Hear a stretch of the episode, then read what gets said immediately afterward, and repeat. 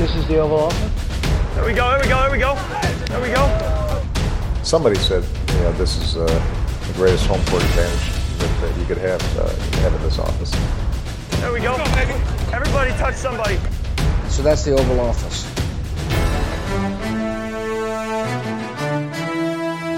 NFL er så godt med at gå på sommerferie, men vi fortsætter vores kig på draften. Goddag og velkommen til denne udgave af Det Ovale Kontor, optaget onsdag den 8. maj, lidt over 4 om eftermiddagen. Jeg hedder Mathias Sørensen, og med mig har jeg som altid Thijs Joranger. Hej Thijs. Hej Mathias. Hej. Og jeg har også Anders Kaltoft. Hej Anders. Hej Mathias. Er vi klar til, til draftsnak? Ja, for pokker da. Det er godt. Fordi øh, jeg har egentlig tænkt mig, at vi hopper mere eller mindre direkte til det. Lige sidste uge havde vi jo både lidt snak om, øh, om nogle nyheder, og der var også lige sådan en generel snak om, om det der med at vurdere draften allerede nu, og, øh, og så selvfølgelig også Hjalte Frohold, som vi fokuserede meget på, men lad os bare være ærlig og sige, der er ikke sket super meget i NFL øh, den, den seneste uges tid, og øh, den smule, der er sket, det tænker jeg, vi, vi måske kan samle lidt op på i næste uge, øh, hvor der formentlig også er et par, par signings og, og snakke om. Det er jo sådan, så at den her deadline for, øh, hvornår øh, free agency signings, de tæller, for det her, øh, tæller i det her regnskab i forhold til kompensationsvalg, den udløb tirsdag, øh, eller natten til onsdag. Øh, så det er ligesom forventet, at nogle af de der store navne, der er tilbage fra free agency, en Dominican Sue, Siggy Ansa og så videre, at de, øh, de nok finder en, øh, en arbejdsgiver i løbet af den næste tid, formentlig regner vi med i hvert fald. Så, så måske er der lidt mere at snakke om der i, i næste uge. Så vi venter med nyhedsrunden til det, og så kan vi jo i stedet lige, øh, inden vi begynder på draftsnakken, lige minde jer om, at man jo kan øh, støtte det ovale kontor på det, der hedder tier.dk. Det fik jeg ikke lige sagt i sidste uge. Det er jo værd lige at få med, synes jeg. Vi har i talende stund 21, øh, der støtter os, og det er vi meget, meget glad for. Øh, tusind tak til jer for det. Der er jo plads til, til mange flere, som jeg også tror, jeg har sagt tidligere. Så gå ind og støt os, hvis du synes, det vi laver er godt, og du har lyst til at, at give en lille skilling for det. Det, øh, det hjælper i hvert fald også til at ja, både kunne blive ved med at, at lave det, men også måske lave øh, det i lidt højere kvalitet, end vi, end vi gør nu. Så, så gå ind og gør det, hvis du ikke allerede gør det. Som sagt, tier.dk, og det staves øh, tital, altså 10er.dk. E så gå ind og find os der. Det er jo kontor, hedder vi også derinde selvfølgelig. Nå, skal vi så ikke bare gå til det? I sidste uge snakkede vi om AFC-holdene. Nu er det NFC-holdenes tur. Og vi kører divisionerne igennem, ligesom i sidste uge, nord, syd, øst, vest.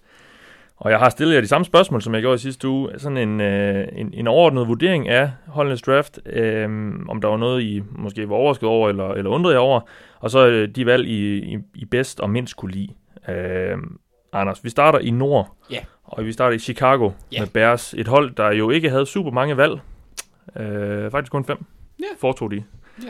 Hvad synes du sådan om det, de så, de så fik ud af det? Jamen altså, øh, øh, Thijs han fik øh, formået i hvert fald endnu en gang at få, få udstillet mig lidt som fjollegøj. Øh, fordi Ja. øh, jeg havde ikke tænkt, at Bears ville gå med en running back med deres første valg. Og øh, jeg havde slet ikke forventet, at de ville trade op for at tage en running back i tredje runde. Øh, Ja, de var jo først på i, i tredje runde, ja. Ja, øh, så det overraskede som sådan ikke, altså i hvert fald ikke for Thijs, at de tog en running back. Øh, men, men det overraskede mig, da de, ja, som sagt, øh, traded op, mens der stadigvæk var en del gode running backs mm. tilbage på brættet. Blandt andet øh, øh, til glæde for mig, Justice Hill, der var i fjerde runde. Til Ravens, ja. De yes. Ja. Øhm, så, altså, og, og Damian Harris, som Patriots så tog med det valg, som de byttede sig ud af med, med Bears. Ja. Øh, til gengæld, så, øh, så, øh, så gik de en vej, som vi også var lidt inde på, øh, da de to bruger man Ridley i fjerde runde. Øh, hvor vi også havde Ja, snakket- Riley, ja. Ja, lige præcis. Øh, så altså, de gjorde øh, nogenlunde det, jeg havde forventet, hvis de gik bare ikke offensiv linje, som jeg husker det indvendigt, sådan backup. Nej, der var ingen, øh, var ingen på Øhm. den defensive eller offensive linje, eller, ja. Lige præcis, og det havde jeg lidt forventet, at de ville, øh, også derfor vi snakker om Hjalte Froholt dengang, for, fordi de mangler en de mangler en habil backup, fordi Kyle Long har en tendens til at slå sig. Ja. Øhm, så, så det ville jeg synes havde været smart, men øh, valget, de havde egentlig nogle ganske fornuftige sådan, valg. Det er svært at slå alt for hårdt ned på dem, fordi de, mange af dem kom sent. Ja, det er det. Øhm, Ja, og det er jo så, fordi de blandt andet har brugt øh, et første rundevalg på Khalil Mack. ja, Det tror jeg ikke, de har fortrudt. det er jeg ret sikker på, at de heller ikke har. Nej. Øh, jeg tror Hvad også, med anden rundevalget? Hvem, hvad, Det var en trade-up sidste år, altså i 2018-draften, hvor de traded op efter Anthony Miller. det var sådan, det var. Okay, ja. Det er de sikkert også glade nok for. Ja, det- er- ja. det snakkede vi også om i, i øh, den, den podcast der nemlig, men øhm, ja. For, for mig at se, at de valg, jeg sådan godt kan lide, der kunne jeg faktisk godt lide valget af Riley Ridley. For jeg synes sagtens, at man kan argumentere for, at han, var der i fjerde runde, ja. Ja. at han på det tidspunkt øh, var en af de bedste spillere på brættet. Øh, og så øh, selvom Bears har en del receiver efterhånden, med Robinson, Anthony Miller, øh, Cordarrelle Patterson, hvis man kan kalde ham receiver, return man, Ja. gadget guy. Running back type Ja, ja. og så Taylor Gabriel, så manglede de en, der havde lidt mere fysik, og det har Ja. Riley Ridley. Øhm, han blev også, øh, han blev mange eksperter i løbet af draftprocessen angivet som en af de bedste løberuter i, øh, i draften, og det var sådan set også en af de ting, hans øh, storebror, går jeg ud fra, egentlig Ja, Calvin, Calvin. ja. var kendt for. Øh, som jeg husker Han er det. bare ikke nær så hurtig. Nej, det har han lidt. Var det, var det 4-7-1 eller sådan noget? Ja, noget af den ja, stil. det er ikke så godt. Det er, en, det er en ganske langsom receiver. Ja, men det var, det var Anquan Bolden også, så jeg har altid sådan lidt, lad mig lige se dem på banen først. Ja. Ja, Øh, men, men det er jo, han er ikke en Anquan Bolden type jo. Som, Nej, nej. som Anquan Bolden, han havde nogle andre ting, som opvejede for det. Fordi han, blandt andet fordi han var så fysisk, og det er Riley Ridley ikke som sådan. Men jeg vil gerne se ham på banen, før, øh, før, før jeg bliver sådan lidt skræmt af det. Ja, Øh, så er han også et fjerde rundevalg, ikke? Så Lige hvad fanden? så det er også Ja. det, jeg har skrevet, at det er jo fint, trods hans langsomme 40, øh, fordi det netop tilføjer en lidt større krop til receivergruppen, hvis man ser bort fra øh, Allen Robinson. Ja. Øhm, ja, og så, øh, så sådan den, den sidste, jeg godt kunne lide her, det var, det, det ved jeg godt, hvad er. Ja, Ja, det, godt. det, det, kan du godt gætte. Ja, han, havde, han havde simpelthen Steven Denmark ja. i syvende runde. Og ja. øh, øh, jeg må indrømme, jeg har ikke set noget som helst film på ham, fordi han kommer, som jeg husker det, fra Valdosta State. det er korrekt. Ja. Og det er en skole, som ikke findes. øhm, Fiktivt navn, ja, opfundet. ja, så han er, han er, det er øh, en, øh, en veludviklet scam. Ja. Men øh, Ja, vi fik halvanden dansker draftet i, det gjorde vi, ja. år. Ja. ja det er jeg er ret sikker på. Det er jeg ret sikker på. Øh, ja. Men altså, han er, han, er, han, er, en- han er et atletisk monster, faktisk. Han er, han er 6 fod 4 høj, hvad er det? 1, nogen 90. ja. Med, med, med god længde. Automatisk set på en, cornerback, skal lige siges, øh, at han er, han er designeret som. Og så havde han vertikalt hop på 43,5 inches. Også pænt godt. Øhm, og løb en 40 yarder på 4,46. Så, så Danmark er, øh, for uden at give mig ideen om, at hvis jeg ændrer navn til Anders USA, så kan jeg blive draftet et eller andet sted. Øh, standard eksempler på et senrundevalg. Altså potentiale, øh, atletisk potentiale, ja. og så kan man forestille sig, at, øh, at niveauet, han er vant til, er noget lavere end det, han, han kommer til at opleve. Så spørgsmålet Ja. er, om han kan tage skridtet. Det synes jeg bliver meget spændende at følge. Kan vi vide, hvor fanden det efternavn det kommer fra?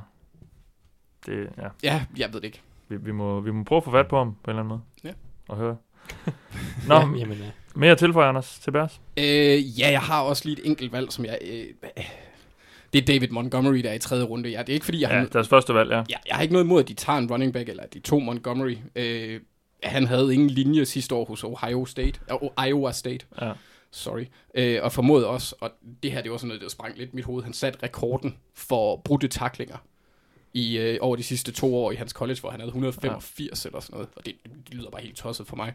Så han, han har han har nogle evner, øh, men jeg synes, det var en dyr pris, de betalte for det. Øh, de, sendte et, øh, de byttede tredje rundevalg med Patriots, og så fik Patriots et, øh, et femte rundevalg næste, i år, og et fjerde rundevalg næste år, mens okay. Bears så fik et syvende rundevalg tilbage. Så det synes jeg er sådan relativt dyrt ja.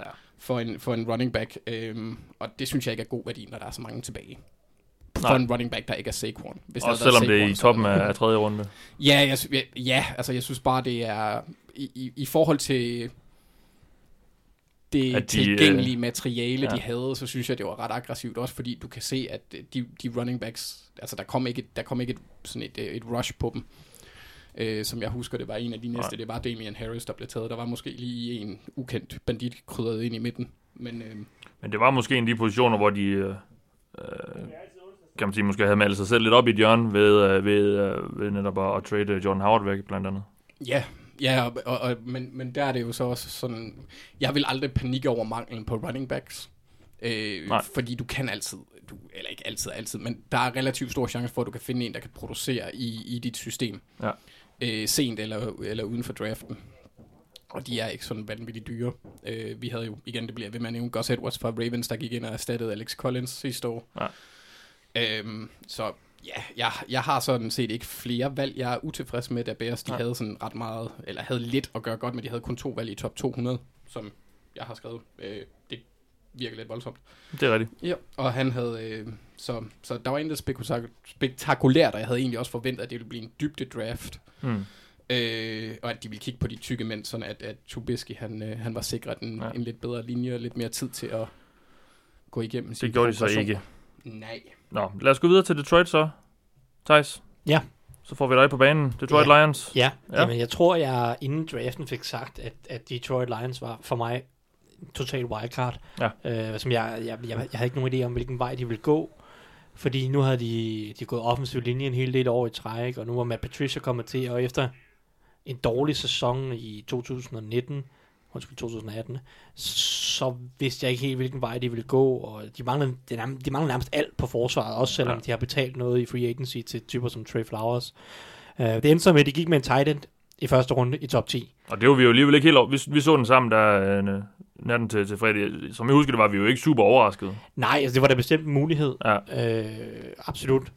Men, men, men jeg føler Men det er stadig- højt. Ja. Det, jeg føler ikke, at en tight end nogensinde er et top 10 valg værd, må jeg ærligt indrømme. Jo, jo Gronkowski er, men han er også sådan en ud af, Ja. af jeg ved ikke, flere tusind nærmest. Hmm. Uh, han er jo et unikum, som man ser uh, en gang hver, hver 25. 30. Ja. År. Og selvom TJ Hawkinson er et stort talent, så er chancen for, at han bliver Gronkowski, der på den måde kan diktere forsvaret og ændre Mm. mm. hele angrebets kompleksitet og sammensætning. Uh, det føler jeg alligevel er ret lille. Altså, selv, selv hvis han bliver Travis Kelce, ah, altså, Travis Kelce må måske også godt kunne forsvare at tage top 10, men hvis han bliver, lad os sige, Zach Ertz, det synes jeg stadig er for højt Ja. at tage ham i top 10, trods alt. Selvom han er en rigtig dygtig tight end og en, og en dygtig spiller, så er der bare andre positioner, der, der giver mere værdi. Og, og, og nu siger jeg, at de mangler, synes jeg, stadigvæk cornerbacks, pass rusher. De, de kunne sågar også have brugt en offensiv linjemand, synes jeg ikke. Jeg Ja. synes ikke, de har nogen stærk indvendig offensiv linje. Jeg synes godt, de kunne bruge en guard mere lige nu. Så jeg føler, der er andre positioner. Er vel...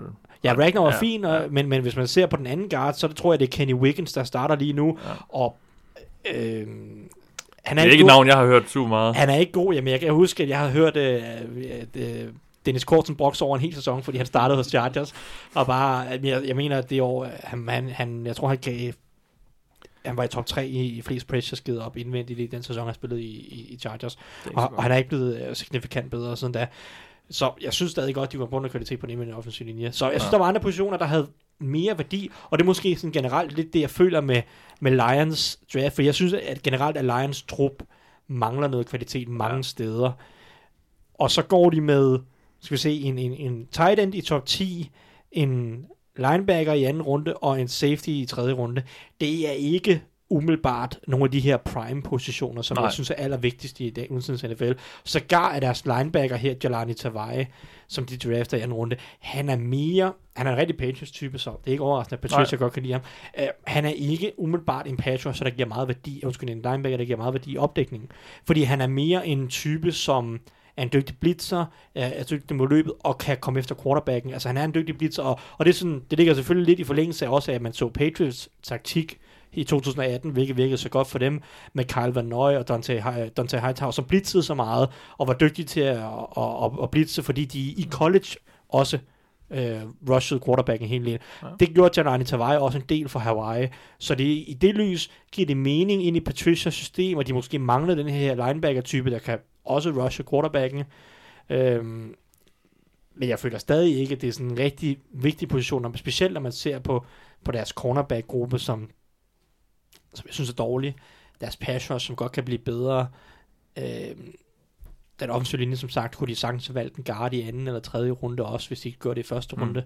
Så jeg, jeg, jeg føler lidt, at, at Lions, de, de valgte lidt for mange spillere på ikke vigtige positioner, i højt i draften i hvert fald. Ja. Fordi når man kommer senere ned, så adresserer de nogle af de positioner, jeg snakker om. De tager en, en defensive end i fjerde runde, øh, ud af Clemson og Austin Bryant. Det er fint, så må vi se, om han kan blive til noget. De tager en cornerback i femte runde, som jeg også synes, det, det er måske, nu snakker vi positivt valg her, hvis jeg skal nævne det. Ja. Øh, så, det så er det deres femte rundevalg, som jeg virkelig synes er at stil, eller sådan på papiret er. Skal vi lige høre, hvad han hedder? Ja, jamen, han hedder Armani Odovarie, Yes. noget af den stil, Ja. øhm, ud af Penn State. Jeg er overrasket over, at han faldt til femte runde, fordi han er en, en høj, atletisk cornerback, kommer fra et stort skole, Penn State, øh, var ret produktiv i college, har board skills. Jo, der er noget teknisk stabilitet, der skal forbedres. Jo, der er noget, han skal læse spillet hurtigere, men jeg synes, der var mange cornerbacks, som gik højere, som har nogle af de samme mangler i sit spil. Øh, og jeg synes, at Odo Varie, han har bedre ballskills på en eller anden måde, mm. og et, et, et mere velafrundet skillset. Så ham ser jeg med en lille smule udvikling, mentalt mest af alt, være en starter, og det, og det har de i høj grad manglet, modsat Darius Slay. Så, så det føler jeg er et virkelig godt valg, også på en position, hvor de virkelig mangler noget. Øh, så, øh, det kan så godt være, at jeg har taget fejl. Det var en grund til, at han faldt til femte runde, Mm. men, men, men det synes jeg virkelig er, er, et solidt valg, modsat Hawkinson er jo også en fin spiller, så det er ikke det valg, Ja. ja. jeg havde mest. Jeg, jeg er nok mindst fan, hvis jeg skal tage en, som jeg er mindst fan af, det er nok Will Harris, der er safety i tredje runde. Ja, ja. Øh, fordi jeg synes, at selvom han er hurtig og en forholdsvis atlet, så synes jeg, at han, han ved basically ikke, hvad der foregår på banen. Jeg synes, han tager en, han tager en masse dårlige Ja. vinkler. Det er ikke så godt. Han, jeg synes, hans awareness ved opdækning er virkelig dårlig. Okay. Øh, og han tager en masse, masse dårlige vinkler, og, og det har jeg bare for en safety på en eller anden måde. Der er den her naturlige spilintelligens til at læse spillet, tage de rigtige vinkler, og ligesom være ham her, der kan øh, stoppe forsvaret, eller stoppe angrebet, når, når det ligesom er kommet igennem de første par mm. gader. Øh, det synes jeg er ekstremt vigtigt. Så generelt er ikke en helt stor fan af Lions draft, fordi jeg synes både positionsmæssigt, at de ikke fik lukket deres måske vigtigste huller højt i draften, og så synes jeg også værdimæssigt, at de valgte nogle spillere og nogle positioner, som et, ikke er så super vigtige for udviklingen af deres hold, tror jeg, og to, ikke er så gode i forhold til, hvor det er sådan værdimæssigt i forhold til, hvor de blev valgt. Jeg synes også, at Tavai, han blev valgt lidt højt, for eksempel. Ja. Så det er ikke den draft, jeg umiddelbart er mest fan af, hvis jeg skal være helt ærlig. Øh, men, men det er... Ja, det er jo nogle, det er nogle Patricia-typer, nogle af dem her, og så må vi se, om han kan få skabt et forsvar, der minder lidt om det, øh, Ja. han, han i perioder havde succes med hos Patriots. Hawaii fra Hawaii. Ja. Det, det har også en vis klang. Øh, du, du nævner ham som en, af- som en sådan typisk Patriots-spiller. Det var jo også noget, vi har snakket lidt om øh, inden, altså om de ligesom, om, om de ville følge den her Patriots-opskrift. Synes du, de gjorde det også ud over ham? Ja, i en eller anden grad. Jeg ved ikke, hvordan Will, Will Harris passer ind i det, Nej. men Odovarie, Og øh, når vi snakker Patriots, så er det jo de her, ja, vi har snakket lidt om, altså typisk måske nogen, der er også færdiguddannet på college, og øh, sådan, er måske også altid i spiller, og jo, det tror jeg lidt faktisk klogere også. spillere, ja. Jeg tror faktisk også, at alle sammen, undtagen Odovarie, er øh, seniors, Okay, som er, ja. ja. tror jeg faktisk, uh, Will Harris, Tavai og Austin Bryant. Austin Bryant er i hvert fald. Ja. Um, så, så jo, det passer i den stil, at det, det er måske øh, kloge spillere i anførselstegn, Ja. selvom jeg ikke synes, det skinner igennem på Will Harris' spil på banen, men Nej, Men han, kom fra, han kommer fra Boston College, og så vidt som jeg husker, så er Lions defensiv koordinator kom fra Boston College øh, inden 2000, 2018-sæsonen, altså da Patricia kom til, vel at mærke. Ja. Øh, godt nok som defensiv linjetræner hos Bo- Boston College, så det er ikke fordi, han har trænet Will Harris, så at sige, men han, øh, han kender ham, fordi han har, han har På Pasqualoni, sammen, ja. arbejdet, arbejdet Ja. sammen med ham, ja.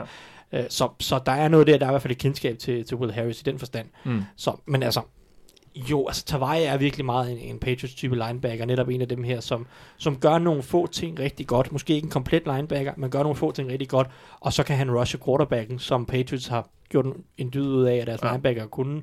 Og man snakkede også om inden draften, kan vide, om det bliver en tendens for, altså ikke kun nogle af de her hold, som har Belichick øh, lærlinge som, som head, head, coach, head Ja. coaches, men for hele ligaen generelt, fordi Patriots havde så stor succes med at blitze Dante Hightower og Calvin Nøje, er det noget, ligaen vil kigge mere på? Vil linebacker med pass rush evner, vil de blive værdsat mere Ja. ja. i en grad? Og, og Tavai er i hvert fald i, i, i den kategori, helt sikkert. Så. Lad os gå videre til Green Bay, Anders. Jo! Der, øh, det var jo, der var jo lidt spænding forud for, for draften, hvad det ville. De havde jo to første rundevalg. Ja. Og der var mange, der snakker om, om, det, om, om, om Aaron Rodgers ikke skulle have lidt, lidt legetøj, fordi det i nogle år har set lidt, øh, lidt sløjt ud måske. Øh, det fik han så ikke, i hvert fald ikke i første runde. I hvert fald ikke på ydersiden. Nej, øhm, ja overhovedet, Ja. vel. Øh, men hvad, hvad synes vi om, om, om det, de gjorde? Altså, jeg har taget optimisthatten på i dag. Øh, Liverpool var lige ved at sende mig ned i, jeg hader alt hullet, men, men jeg er kommet op igen. Ja. Damn Liverpool. Øh, men jeg, jeg er simpelthen jeg er ret vild med, med Packers draft den her gang. Øh, nærmest fra bund til top. Øh, de får en spiller med top 5 atletiske evner i, øh, i første runde. De får en safety, som mange i ligaen var ret vilde med. Og særligt, øh, nu er jeg jo Ravens-fan, så jeg har det med at følge Maryland-baserede ting. Ja. Og, og han spillede for Maryland. Ja, øh. Terrapins, yes. Ja. Øh, og han, ham var de mega glade for os. I Ravens har de også sådan rost ham. Øh, ikke internt, skulle jeg til at sige, men snakket positivt om ham i mediebilledet i hvert fald. Okay. Øh, ikke holdet decideret, men de mennesker, der følger hvad, hvad valg havde Ravens i draften? Om vi, hvad, har vi behov for en safety? Nå, no, nej, nok ikke, men I havde det 22. valg, ikke? Ja, ja, vi kunne godt have taget ham. Og de traded op til nummer 21 Nå, for at ja, tage det kan godt være, de var bange for det på den måde. Ja, Ja. det er det, Ja. det er jo, altså, der er helt sikkert nogle hold, altså de traded op efter Darnell Savage. Ja. Der er helt sikkert nogle hold der, som de har frygtet ville tage øh, Darnell Savage. Og, og altså, det ville undre mig lidt, hvis Ravens brugte et, et første runde pick, men jeg havde også, altså, det ville heller ikke overraske mig, fordi de gav udtryk for, at de var ret glade for ham. Øhm, og så øh, fik øh, Packers også, øh, ja, nu tillader jeg mig lige at lege Thijs lidt, men de fik Jace. Jace! Oh, Jace. Sternberger, ja, tight end. Yes, ja. så, så sådan generelt op og ned. Hvis man lige ser bort fra, fra at de ikke rigtig pakkede nogle nye receivers ind i, uh, ind i papkasser til Aaron Rodgers, Ja. så, så Ja, han fik nærmest kun øh, ham, og så lige en running back i 6. runde. Ja, men man kan jo så også sige, at det, det år, hvor uh, Aaron Rodgers... Og en offensiv linjemand. Men, ja. ja. men, men altså, den bedste gave, man kan give til Aaron Rodgers, det er så også et forsvar, der kan tage bolden væk, eller Måske, give noget ja. pres. Det var Ja. i hvert fald det, der lykkedes for dem, dengang de vandt tilbage i de 10. Ja, Ja, ja. ja. Så ja, altså... Øh, Over hvem? Jeg kan ikke huske det. Nej, det kan du ikke. Sidder du der i Steelers-trøjen og siger. Det er godt. Nå. Ja, ja. Ja. Tak, Mathias. Jamen, det var så lidt. Ja, tak Mathias. det var en dejlig aften. Bengals har tabt tre, så... Åh oh, ja, det var f- Åh. trods alt før din tid. Ja, det er rigtigt. Det er rigtigt. Før Thijs, før Thijs blev født. Ja. Den her gang tror jeg faktisk, Eller er det to? rigtigt. Er det to, de tager? Nej, tre, ikke? Var det ikke i Ej, det er 80'erne? kun to, tror jeg faktisk. To, ja. Jeg tror godt, det er to. ja.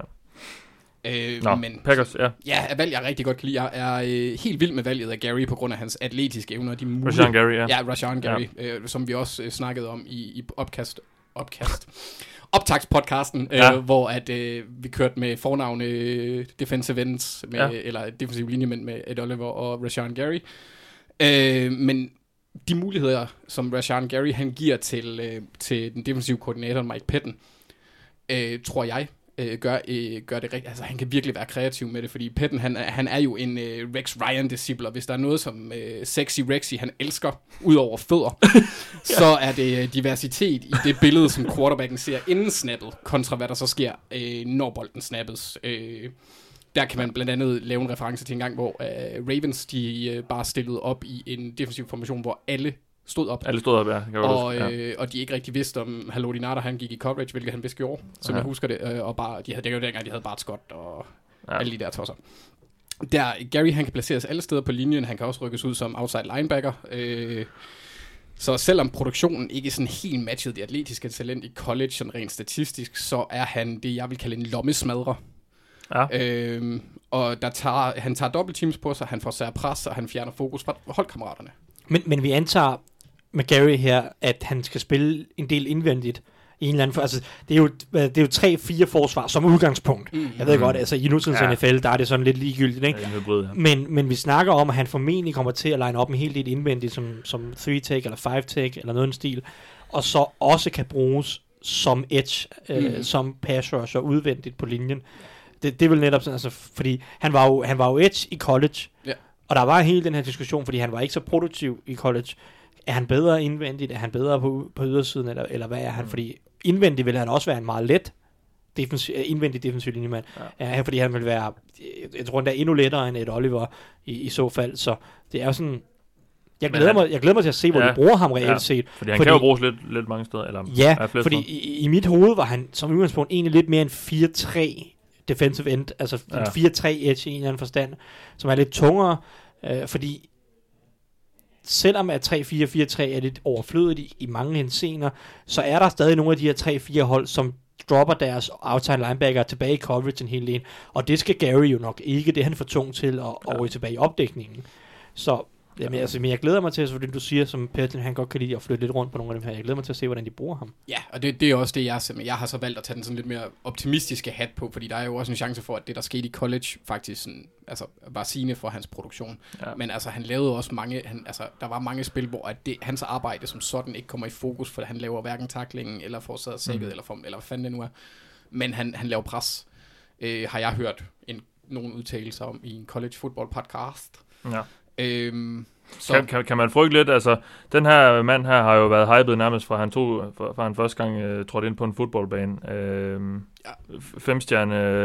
Uh, Number one. Ja, i, i, hele landet af, af flere football re- recruiting sites, dengang han, han kom fra high school til college. yes. Altså, kan, og, og det var måske også det, der lidt gør, at, at, at, at han bliver valgt så højt, eller hvad? Eller, fordi produktionen har jo ikke været der, og vi snakker med Vinovich, han havde, han havde flere pressures og sacks og så videre i Michigan mm. der, men jeg, jeg synes i hvert fald, når, når jeg kigger på jeg, synes- jeg synes, det var måske lidt højt, men, der, men man kan også, jeg kan også godt se, at man kan forelske sig i ham, og alle de muligheder, der er i ham. Det er, også, det er også, fordi man kan jo også altid, når det er, at det er baseret på, øh, på atletiske evner, ikke produktion, så bliver Ja. ja. man altid lidt bange, og se, altså man, man ser relativt ofte, at nogle af de der nummer et rekrutter, øh, fra, når de går fra high school til college, Ja.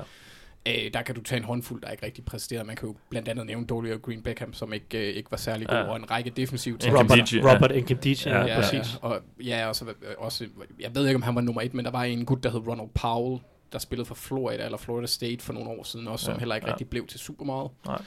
Øh, så der er, det, det er altid sådan lidt svært, når det er baseret Ja. på øh, Min pointe er bare, altså, evner. altså, ja. han var jo en stjerne nærmest inden han har spillet sin første kamp på Michigan, ham her, og, ja. Ja. fordi han var så, så hyped, så øh, jeg, jeg, jeg sidder sådan lidt og kan godt frygte, at jeg ved ikke, om det hele bare er hype på ham. Men, Ja, men øh, jeg er enig. ja. Jeg, jeg ville heller ikke have valgt ham så højt, netop fordi jeg synes, han manglede produktion, og der var en grund til, at han manglede produktion. Jeg synes Ja. ja. ikke, han havde øh, teknikken og planen, øh, mest af alt en pass rush plan i college, ja. øh, og, og sådan det, det fulde repertoire, der skulle til for at være, som du siger, netop en, en mand, der kan consistently skabe pres på Mm. quarterbacken på en eller anden måde. Og derudover så var jeg i tvivl om, hvor han netop er, er bedst, men det kan selvfølgelig være, at i det rette system med Petten som koordinator, at han kan finde en rolle til ham, hvor at han bliver flyttet rundt, og, og dermed Ja. forløser lidt af potentialet i hvert fald. Ikke andet, så har de i hvert fald en, en lille håndfuld meget spændende spillere nu på den der defensive linje Ja, i uh, ja, Mike Daniels, det- Kenny, det Kenny Clark og, og Rashan Gary også. Ja. Cedarius Smith. Også ham, præcis. ja, og ja, ja, Smith. ikke mindst, så, ja. Smith og Rashan Gary kan de jo gøre lidt med, hvad de passer, Ja. ja. fordi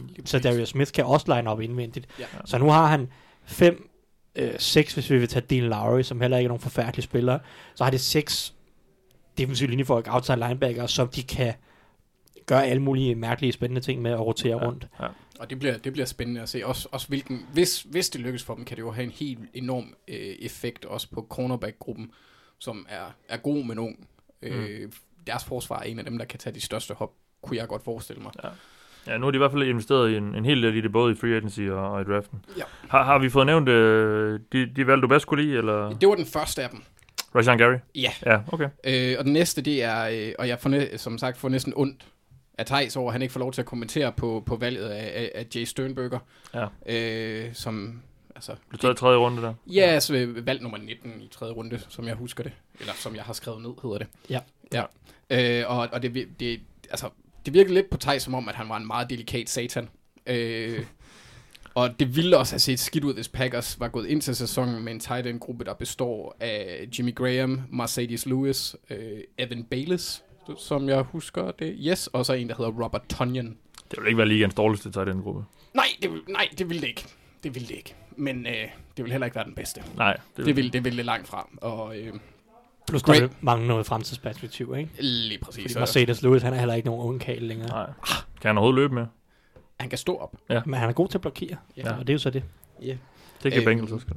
Ja, så altså, Jace er ikke lige så god en atlet som, som de to Iowa-gutter, men han er, han har gode hænder, løber gode ruter, og så synes jeg næsten, at han skulle få lov til at sige lidt, hvis han har lyst. Ja. Nej, men det er, det er Hvordan passer han ind her? Ja. Jamen altså, jeg, jeg synes jo, at, at Jamen altså, jeg synes jo egentlig, at netop det her øh, med hans gode ruter, hans gode hænder på en eller anden måde, og jeg synes også, at hans atletiske, jeg ved godt, at han ikke tester så godt til combine, jeg synes, han spiller væsentligt mere atletisk end det. Øh, Jeg synes overhovedet ikke, at, at han virker langsom, eller jeg synes, han har en helt del quick, quick twitch, hvis man skal sige det sådan, eller øh, sådan øh, små bøsser. Han, han, han er lidt ved at skifte retning. Hans eksplosivitet er fin, selvom han ikke er den hurtigste eller, eller den største i, i den forstand. Mm. På en eller anden måde, så synes jeg øh, egentlig, at, at han spiller nærmest lige så atletisk som, som, som TJ Hawkinson på en eller anden måde. Det kan godt være, at det ikke kan ses i NFL, fordi så begynder det at, altså, at blive tydeligere, men, men jeg synes ikke, at han... Øh, ja, men jeg er også en kæmpe fan af J. Sternberg, og derfor er det sådan Ja. farligt for mig at sidde og, og tale ham alt for meget op, fordi jeg synes, han var i samme kategori som TJ Hawkinson og Noah Fant. Mm. Men det er klart, at han går øh, øh, 40-50 valg senere øh, i, i Hawkinsons tilfælde 60 valg senere. Ja. Øh, og, og, og det er klart, at der, der er jo nogle mangler i hans spil, men jeg tror, han, jeg tror, han kan blive en Ertz-type. Zach Ertz, som, også gik i, i anden runde. Som heller ikke er nogen vanvittig atlet, men netop løber rigtig gode ruter, har rigtig gode Ja. ja. hænder, og på den måde øh, øh, bliver en klog tight end. På en eller anden måde, så altså, jeg vil hellere have en klog tight end, der ved, hvordan han kommer fri, ved, hvordan han skal finde hullerne imellem zonerne i midten af banen, end en atletisk tight end, der ikke forstår de ting, fordi det synes jeg er, er mere essentielt for at spille Thailand, og det synes jeg, er Sternberger kan øhm, i, i høj grad. Men Ja. det, så jeg vil ikke sidde og tale ham op, fordi jeg er også stor fan af ham. Det må bare, hvis han slår fejl, så må jeg øh, krybe til korset om et par år, og hvis han bliver rigtig god, så kan jeg sidde og grine af hele NFL om to år. Og så, så skal det så også Ja. siges, at hvis han slår fejl, så har Green Bay også øh, som undrafted free agent sikret sig ham, der sørgede for, at Daniel Jones blev taget som nummer 6 i første runde. Øh, en, øh, en tight end, der hedder David Koppenhaber. Eller, Fra Duke. ja, fra Duke. Ja. Ja. Han, havde, han havde 14 receptions sidste år, 7 touchdowns. Okay, ja, det er da meget solidt. Jeg skulle lige til at spørge jer om, om, om Sternbergers øh, entré i Green Bay betød Grahams e- exit, men så kiggede jeg på hans kontrakt, og han har et dead cap på lidt over 12 mil. Ja. Og det er det nok ikke. Nej. I hvert fald ikke i år. Så øh, ham holdt de, de holdt, beholder nok begge to i hvert fald i denne sæson. Nå, lad os tage det. Var der mere? Øh, Ja, ja, ja, jeg, har lige, jeg har lige nogle hurtige nogen. Jeg var, Ja. ja. jeg var Daniel Savage, som vi nævnte før, der blev taget ved 22. 22, ikke? I første runde blev han taget. 21. Fuck det. Øh, 21, ja. Ja, øh, jeg ved godt, at jeg, jeg kun skulle vælge to, men jeg var faktisk så vild med deres draft, at jeg ikke ville klandre dem for valgt de ikke to. Øh, jeg elsker safeties. Øh, det har jeg efterhånden givet udtryk for mange gange. Jeg elsker dem næsten lige så meget, som nogle af vores lyttere af forunderlige årsager elsker svensk pølseret. øhm, så, så valget af Savage, det var, det var delikat, hvilket svensk pølseret ikke er. Oh. Nej, stop Mathias. Og så havde Packers, de havde brug for en marker til Adrian Amos, så det kostede dem kun to fjerde runde valg at rykke op fra, fra 30. Øhm, Ja, overraskende billigt. Ja, så det er godt givet ud. Øhm, ham vil jeg også gerne lige give noget kredit til. Donald Savage, ja. Okay. Øhm, og så i forhold til spillere, jeg ikke kunne lide, så er der ikke rigtig nogen, som sådan er blevet taget, hvor værdien var helt forfærdelig, Nej. øh, synes jeg. Men vi kunne jo så, så var det det med wide receivers, vi kunne have nævnt, de godt kunne have brugt. Ja. Selvom de to, tre sidste år. Yes, godt. Jamen, så lad os tage det sidste hold i divisionen. Minnesota Vikings. Thijs. Ja. Øhm, hvad synes vi? Jamen, de havde travlt. De De valgte var, 12 meget spillere. for, de var meget forudsigelige, kan man sige, i hvert fald i første runde. Ja, det var, det var ret forudsigeligt, de tog Garrett Bradbury. Men ellers var det et hold, der havde travlt, specielt på tredje dagen. De valgte 12 spillere her i 9, Ja. 9 på dag 3. Øh, jeg tror, syv af dem i 6. og 7. runde, så det er klart, der er ikke så mange høje draftvalg, men der er mange draftvalg. Ja. Øh, men som sagt, hvis vi starter fra toppen, det er ikke overraskende, at de tager Bradbury. Det har ligesom, det har, lig, ja. ja, der ligger lidt i kortene, at Minnesota vil gøre rigtig, rigtig meget for at adressere den offensive linje den her offseason. De investerede en hel masse penge i Kirk Cousins sidste år, fordi nu skulle det her talent, de havde specielt på forsvaret, forløses, endelig forløses, så de kunne gå hele vejen og vinde en Super Bowl. Og der manglede de en quarterback, og så tænkte de, okay, vores bedste mulighed, det er at betale Kirk Cousins, og så må det briste eller bære. Det var ikke godt i 2018. Den offensive linje var skandaløst ringe, og Kirk Cousins leverede ikke. Om det så er på grund af den offensive linje, eller fordi Kirk Cousins ikke er god nok, det ved vi stadig ikke, stadigvæk ikke. Men nu prøver de i hvert fald at eliminere den undskyldning med den offensive linje. Ja. Uh, de har fundet uh, deres tackles i en eller anden grad. Riley Reef, som er en okay tackle, gangbar, og så fik de draftet Brian O'Neill i anden runde i sidste års draft, i 2018-draften, og startede det meste af sæsonen, og, og gjorde det egentlig hederligt, så de har Mm. styr på tackles, men den indvendige del af linjen skulle stadig adresseres, og der kommer Bradbury ind, passer perfekt til holdet, ind som center, Øh, systemmæssigt har de jo også fået Gary Kubiak ind, som kommer til at implementere noget af hans outside zone løbeangreb i deres øh, på, er på angrebet, og, og det udover at det passer fint øh, til Garrett Bradbury, så passer det også fint til Dalvin Cook som deres running Mhm. back. Så på en eller anden måde giver det rigtig god mening, og Gary Kubiak har altid været en dø- dygtig offensiv koordinator, så jeg glæder mig til at se, hvad han kan gøre. Øhm, som sagt, men altså Bradbury, atletisk freak, det kan Vikings altid godt lide. Øh, center, det manglede de i en eller anden grad i hvert fald. Pat Ja. Elflein kan i hvert fald sagtens spille guard. Øhm, rigtig dygtig outside zone, nok den bedste spiller, den bedste offensive linjemand i outside zone specifikt, som jeg har set i, i, i den tid, jeg har kigget på college-spillere i, i, i en 3-4 år her, 2-3-4 år. Øh, så, så det er han ideelt til, så han passer perfekt ind til Kubiak og Vikings angreb. Så altså, det, det, det er bare et, perfekt fit på alle mulige måder, og det Ja. giver bare mening på så mange niveauer. Så det synes jeg er rigtig, rigtig fornuftig start på det. Er det en af de spillere, du også godt kan lide? Øh, Altså, Eller- Bradbury, ja. jeg var ikke Bradburys største fan som sådan, men jeg synes, han var en god spiller. Okay. Og så, og så, men, men den måde, han passer ind til Vikings, gør bare, at, Ja. at, at, at det giver bare mening på så mange niveauer, og han bør blive en rigtig, rigtig fin spiller i det system. Plus, at de lukker et, et ret stort hul på den offensive Ja. linje. Derudover så har de jo også en, en offensiv linje i fjerde runde i, i form af Drew Samia, lige inden at Jalle Froholt blev valgt. Øh, og så tog de også en offensiv tackle i senere hen, som de 6. eller 7. runde, som de kan prøve at udvikle på. Så den offensive linje havde en del fokus, og, og, og var tre ud af deres 12 draftvalg. Så, men altså, derudover, så var jeg måske lidt overrasket over, at den tredje, altså nogle af de andre valg, der blev taget på en eller anden måde, øh, i hvert fald mest af alt deres tredje rundevalg, Alexander Madison, en running back ud af Boise State, jeg er ikke sikker på, at jeg synes, at Vikings havde brug for at adressere running back så højt. Jeg ved godt, at Dalvin mm. Cook har haft lidt småskader, ja. og de mistede Latavius Murray i free agency.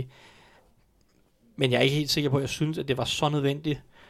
Og jeg er ikke sikker på, at jeg synes, at Alexander Matheson, eller Matheson er så god en spiller, han burde have været valgt så højt. Så det er klart nok, det, det, det, det, det synes jeg er det dårligste valg, de to, i hvert fald i min optik. Øh, både værdimæssigt, fordi der var masser af running backs tilbage, de kunne sagtens have fundet en senere, fordi de har en dygtig running back i Dalvin Cook. Der er ikke nogen grund til at vælge en running back i tredje runde, øh, hvis han skal være rotationsspiller, øh, mm. ind, og, ind og løbe bolden fem gange i løbet af en kamp, eller ti gange i løbet af en kamp.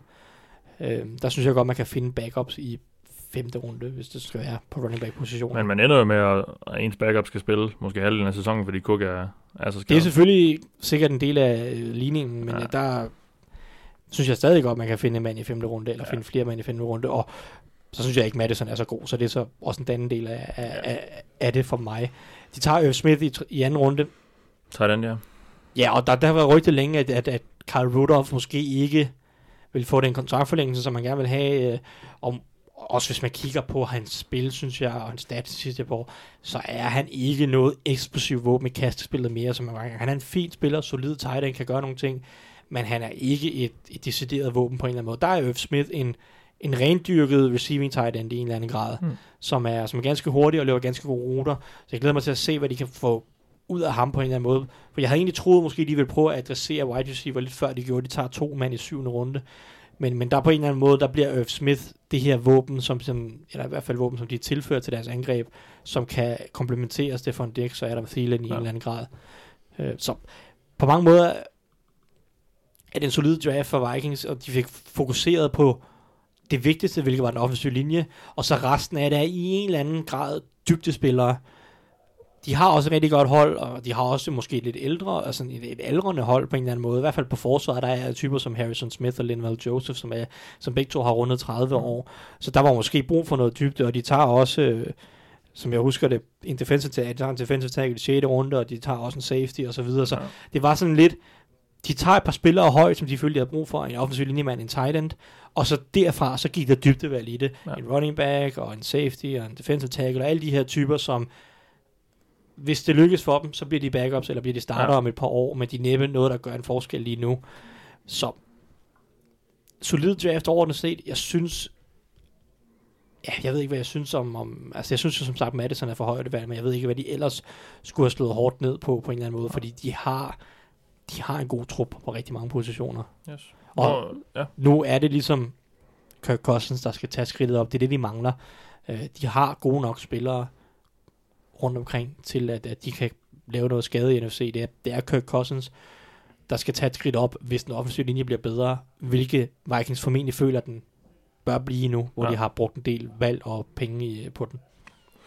Du har nævnt en hel masse spillere, der andre vi lige skal... Det var måske både dem, du godt, og, godt kunne lide. Ja, altså, sagt, altså Bradbury giver god mening for ja. dem. Øh, jeg vil sige, hvis jeg skulle vælge nogle, spil, nogle valg, som jeg også godt kan lide, så er det faktisk deres to syvende runde valg i form af, af Dylan Mitchell og Ola B.C. Johnson. Ja. Øh, to wide receiver. Jeg synes begge to er rimelig spændende i en eller anden grad. Ja, det er klart, det er syvende runde valg, så de kan også mm. sagtens blive kottet. Men, men jeg føler, der er en chance for, at en af de her to kan findes en plads på rosteret. Jeg synes, de mangler lidt wide receiver dybde, fordi ja. Laquan Treadwell han er ikke god, og han har aldrig blevet til noget. Nej. Og der er et job der som, som tredje wide receiver for en eller anden ung wide receiver, som han kan stjæle eller uh, få fingrene i. Og der synes jeg egentlig, at både Dylan, Dylan Mitchell undskyld, og, og Ola B.C. Johnson har noget potentiale, som de kan, som de kan arbejde på. Ja. Dylan Mitchell virker det mest, som om han mentalt uh, skal, skal lige uh, sætte stikket i en gang imellem. Der er for mange dumme drops, og han virker lidt sådan lidt, ja lidt ugiven i sine ruter nogle gange, ikke? Men, men det kan Mike Zimmer måske lige stille sig op og råbe lidt af ham første træning, så, ja, ja. så, så kan han måske... Så er han sat på plads. Ja, præcis. Ikke? Det, og så tog de, øh, så tog de Guillermo med en long snapper fra Air Force. Ja. Alene det, det gør jo, at, øh, alene det er jo et spilvalg. Men Ja, de ja, havde, på det tidspunkt, der havde de allerede valgt 11 spillere, så de tænkte nok, ved du hvad, Ja. vi tager en long snapper. Og det var også, øh, jeg kan også se, at han var det femte sidste valg i hele draften, Ja. ja. så det er fair nok. Ja, men altså, men, det- eller, men det er det ikke, fordi man skal ikke drafte long snapper. men, øh, men, men ja, du ved, det er sådan Ja. lidt ligegyldigt på en eller anden måde. Jeg, jeg læste en, øh, at, at en overskrift, hvor der sagde, at han, han Air Force var det vigtigste, og så hvor NFL kom i anden række, så det er jo så bare endnu en grund til, at man ikke skal vælge en, en, Ja. en spiller der. godt. Ja. Lad os gå Okay. videre til NFC South og Tampa Bay Buccaneers, Anders. Hvis jeg lige hurtigt øh, lige kan knytte den sidste kommentar til Green Bay, så var jeg øh, lidt ked Okay, af, at de ikke ja. tog en inside linebacker, men de blev sådan lidt Okay. dem, der var værd at tage, Ja. ja. taget før. Ja, det tror jeg også, vi snakker om inden, gjorde vi ikke det med... ja, så det var øh, derfor, jeg lige blev ja. ja. runden, runden halen af der. Det er fair nok. Yes. Tampa Øh, Bay?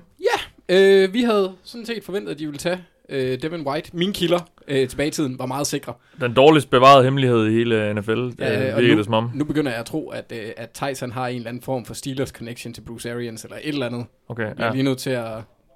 Og man skal bare, når, det. når nok af de der insidere alle sammen bider på og siger, ja. det sker, så må man bare tro på det. Ja. Men øh, det var så til gengæld øh, overraskende for mig, at de slet ikke gik offensiv linje, øh, hvilket vi også havde, havde nævnt. Og fik vi sagt, hvad det henviste til? De to Devin White med Ja, de med to det. Devin White. nemlig. Ja, ja. Øh, så, så altså, det undrer mig lidt, at de slet ikke gik offensiv linje, selvom sådan, altså, draften sendte et tydeligt signal om, at Arians satser på, at James Winston han formår at spise flere W'er i år, end han tidligere har gjort. Ja. Øhm, så jeg ser det lidt ligesom sådan en, øh, det er en astro- øh, Bears, øh, eller Buccaneers' draft er lidt ligesom en astronautis, men hvor astronautis smager godt, så er den her draft ligesom astronautis, der ikke smager godt, kun i toppen. Øh, Ja, hvor vi går, jeg. Lige præcis. Ja. Øh, en god bid i toppen, og så lidt gris efterfølgende. Jeg, jeg er ikke super fan. Nej, de Øh, tog også en kicker. ja, og det, runde. Og, og det kommer jeg også ind på. Ja. Og, og det leder mig også ud Ja. til et, øh, et andet form for kort rant, men det må jeg lige vente med. Ja, ja. Øh, jeg, kan, jeg kunne faktisk godt lide valget af Devin White. Øh, selvom han, han ikke var lige så god som sidste års top linebacker i Roquan Smith, og har nogle, kan man sige, nogle mangler, noget instinkt, som, som ikke lige helt er der, hvor det skal være, fordi ja. han nok heller ikke har spillet position, eller ikke nok, men nok fordi han også har spillet, ikke har spillet positionen særlig længe. Øh, men jeg kan generelt godt lide forsvar. Jeg kan rigtig godt lide hurtige forsvarsspillere, og Devin er en, en sådan, kan man sige. Og så har han talentet til at blive en fundamentspiller. Øh, sådan rent fysisk øh, i hvert fald. Øh, der kan sætte scenen for box forsvar i et årti. Så det er selvfølgelig højt for en inside linebacker, men i forhold til behov og talent, man tænker på, Quan Alexander, han smuttede, øh, Lavonte David er oppe i al- alderen, og så, så synes jeg egentlig, det er, det er ganske fint. Ja. Øhm, og så kunne jeg også godt lide valget af Scott Miller, som er en wide receiver, sådan lidt sent i det, men det er mest... 6. runde, ja. Ja, så det, det er mest fordi, de får en bitte hurtig satan af en receiver, øh, der kan tons lidt rundt og lege Taylor Gabriel. Øh, han løb en, en 4-3-2 til sin pro day. Øh, og så han går også under, Det er ind under det ja. der potentielle udviklingsspiller, men også en spiller, der muligvis kan, kan lave nogle spil på special teams. Ud af Ja. det dejlige college, der hedder Bowling Green ja. State. Ja, ja. Øh, hvor han også øh, returnerede øh, øh, punts og kickoffs i hans to første sæsoner hos, øh, hos øh, Bowling Green. Ja. Øh, valg jeg ikke kan lide, Ja. det er Matt Gay. Ja, det- kickeren. Ja, og, og øh, som den opmærksomme lytter måske har lagt mærke til, så kan jeg generelt godt lide, øh, lide underlige ting. Øh, heriblandt kickers og punters. Særligt punters dog, men, men også kickers. Øh, så det er ikke fordi, jeg er imod at drafte en kicker, slet ikke. Men jeg er imod dette valg af to årsager. Philip Andersens chance, den var fuldstændig død efter det skete. Og det synes jeg er noget vrøvl. Ja. Det, det, det synes jeg ikke er fair. Øhm, den næste punkt, det er at tage to kickers i draften på fire år. Øh, er ikke godt. Særligt ikke, når man, man straightede op første gang, man tog en kicker i 16, var det, øh, da de to øh, Aguayo. I anden runde. Yes. Ja. Og så mit, øh, det, det andet valg, jeg er træt af nu, øh, det er, at øh, de har valgt, at Jason Licht stadigvæk er GM for Box. Ja, ja. For, for uden at tage to kickers på fire år, så har Ligt også foretaget nogle, altså hvad jeg synes er nogle mærkværdige beslutninger andre steder. Mm. Øh, primært i secondary, øh, hvor at øh, de siden 2016 har brugt et top 10 valg, fire anden rundevalg, to tredje rundevalg og to fjerde rundevalg på cornerbacks og safeties. Øh, så, og de brugte også en del på dem i år, de to Sean Bunting. Der er ikke så mange af dem, der var gode. Nej, lige præcis. Altså, de to godt heller ikke i år. Videre. og de to, de to MJ Stewart og Carlton Davis sidste år, Ja. som ikke spillede forfærdeligt godt, men det er stadigvæk deres første år, så det vil være lidt hårdt, hvis jeg var efter dem der. Øh, Ja. Og så var der, øh, åh, Evans hedder safetyen, øh, noget med J, men jeg kan ikke huske fornavnet. Just. Justin, han har, han har også haft nogle okay, i hvert fald statistiske sæsoner, fordi han er en tackle-maskine. Ja. Men ellers så har de godt nok ikke ramt. Det er bare mange valg at bruge på secondary. Øhm, Det må man sige. Så det synes jeg øh, var forunderligt. Ja. Så de brugte også, i år brugte de et andet runde og tredje runde valg på, på secondary. Det synes jeg også spøjst. Anden runde og to tredje runde. Jeg Ja. har to Ja, tredje runde valg. ja. Jeg kan bare Og de var alle sammen valgt for højt i min bog. Ja, Jam, Jamal Dean i tredje runde, og så Sean Bunting der i anden runde, hvor jeg Ja. ja. tror, at samtlige øh, eksperter og folk på tv og sådan noget, og sikkert også folk ude i klubberne sad og undrede sig over, hvad fanden der foregik. Jeg tror egentlig, at Sean Bunting var rimelig højt respekteret for hos mange hold, fordi han har noget upside. Okay. Øhm, jeg forstår ikke Jamal Dean, men det, Nej. det er også bare nej. Han har også noget upside, men han er altså atletisk, men han har så også til gengæld haft en del skader. Øh, så, Tre, tre korsmålsskader, tror jeg. ja, siden Uha. high school. Så Skal vi, gå- skal vi uh, gå videre? Ja. Carolina Panthers. Man kan føle, med Buccaneers, hvis jeg skal sige noget. Ja. Uh, det er lidt overraskende måske, at de ikke tager en pass rusher specielt højt. Så betragtning af, at jeg, nu har vi snakket, snakker vi ikke om nyheder og sådan noget, men Jason Pierre-Paul er måske ude for sæsonen mm. med en eller anden nakkeskade, som han pådrog sig i en bilulykke. Ja. Øh, hvilket måske den bilulykke skete før draften. Så de Ja. har vidst, at, at de burde have vidst i hvert fald, at Jason Pierre-Paul kom til skade Ja. i draften. Og i den forstand er det, synes jeg, er overraskende, at de venter helt til fire runder med at tage en pass rusher. Ja. De tog sig en, en pass rusher, som jeg synes er rimelig fornuftig, øh, i, i form af Anthony Nelson, men altså, de, ja. de, havde, de manglede pass rush lidt i forvejen, synes jeg.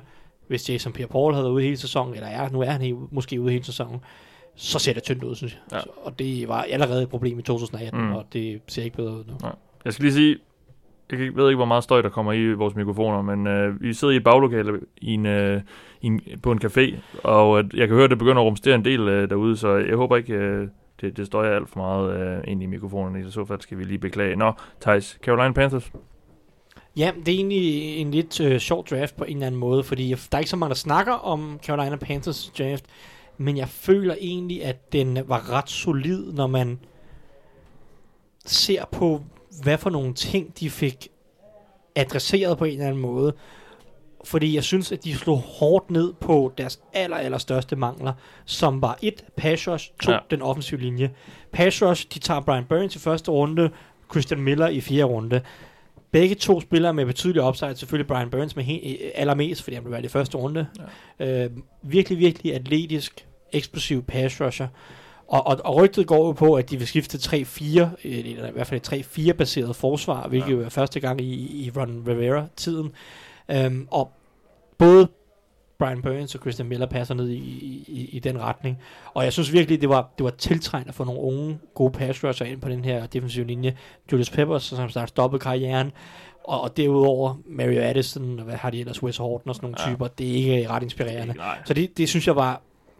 Jeg er ikke den største Brian Burns fans. Der er helt sikkert andre, der, der var folk, der havde Brian Burns helt op i Nick Bosa-kategorien. Det havde jeg slet ikke.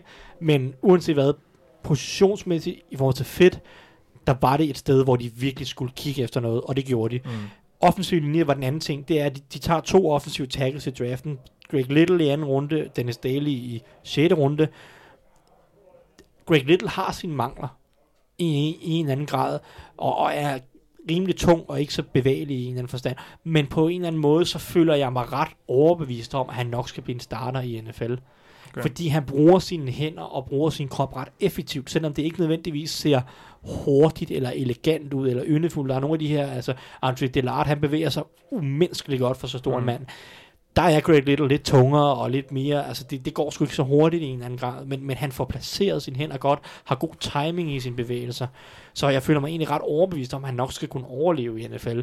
Og der, der, der synes jeg bare, at det, det, det er et fornuftigt valg af, af Panthers på en eller anden måde. Og, og det var sådan, nu snakkede vi om Texans, som også havde et, et behov på den offensive ja. linje, men vælger en eller anden form for et projekt. Og det kan godt være, at Titus Howard bliver bedre end Greg Little, men det er han i hvert fald nok, det er han nok ikke de første i to år. Øh, og, og så er det så spørgsmålet, om han overhovedet når der til. Men der synes jeg i hvert fald, at Panthers, de på en eller anden måde lukker et hul på den offensive linje, fordi jeg tror, Greg Little kan starte på venstre tackle i første sæson, og så kan de så enten flytte Daryl Williams eller Taylor Moton ind og spille guard. Ja. Og så synes jeg på en eller anden måde, at Panthers har adresseret deres to største mangler på ret fornuftig vis, ved at nu har de formentlig fem rimelig gode offensive linjefolk, fordi de har også betalt en del penge for Matt Paradis inde på den inde Ja, på center. ja. Og nu har de nogle pass så de kan skyde med. Mary Addison kan jo godt bruges. Brian Burns i første rundevalg. Christian Miller kan måske udvikle sig til noget som rotationsspiller. Så, altså, så resten af holdet er jo forholdsvis solidt. Jeg synes, de mangler noget på safety. Stadigvæk en hel del.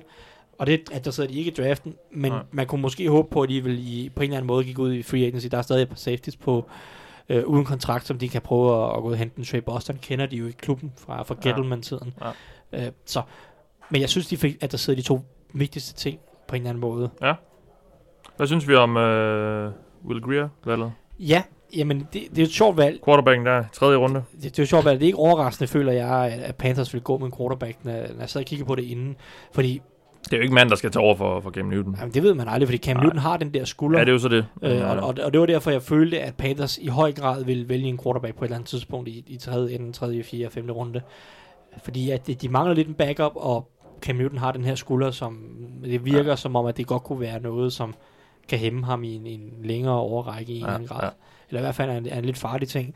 Will Greer synes jeg jo er spændende på en eller anden måde. Han har nogle solide mangler, men han har også nogle kvaliteter, som med lidt held kan blive til noget NFL-agtigt. Så jeg synes egentlig, det er okay valg. Jeg synes ikke, det er, jeg synes ikke, det er alt for højt at vælge ham der i bunden af tredje runde, som de Nej. gjorde.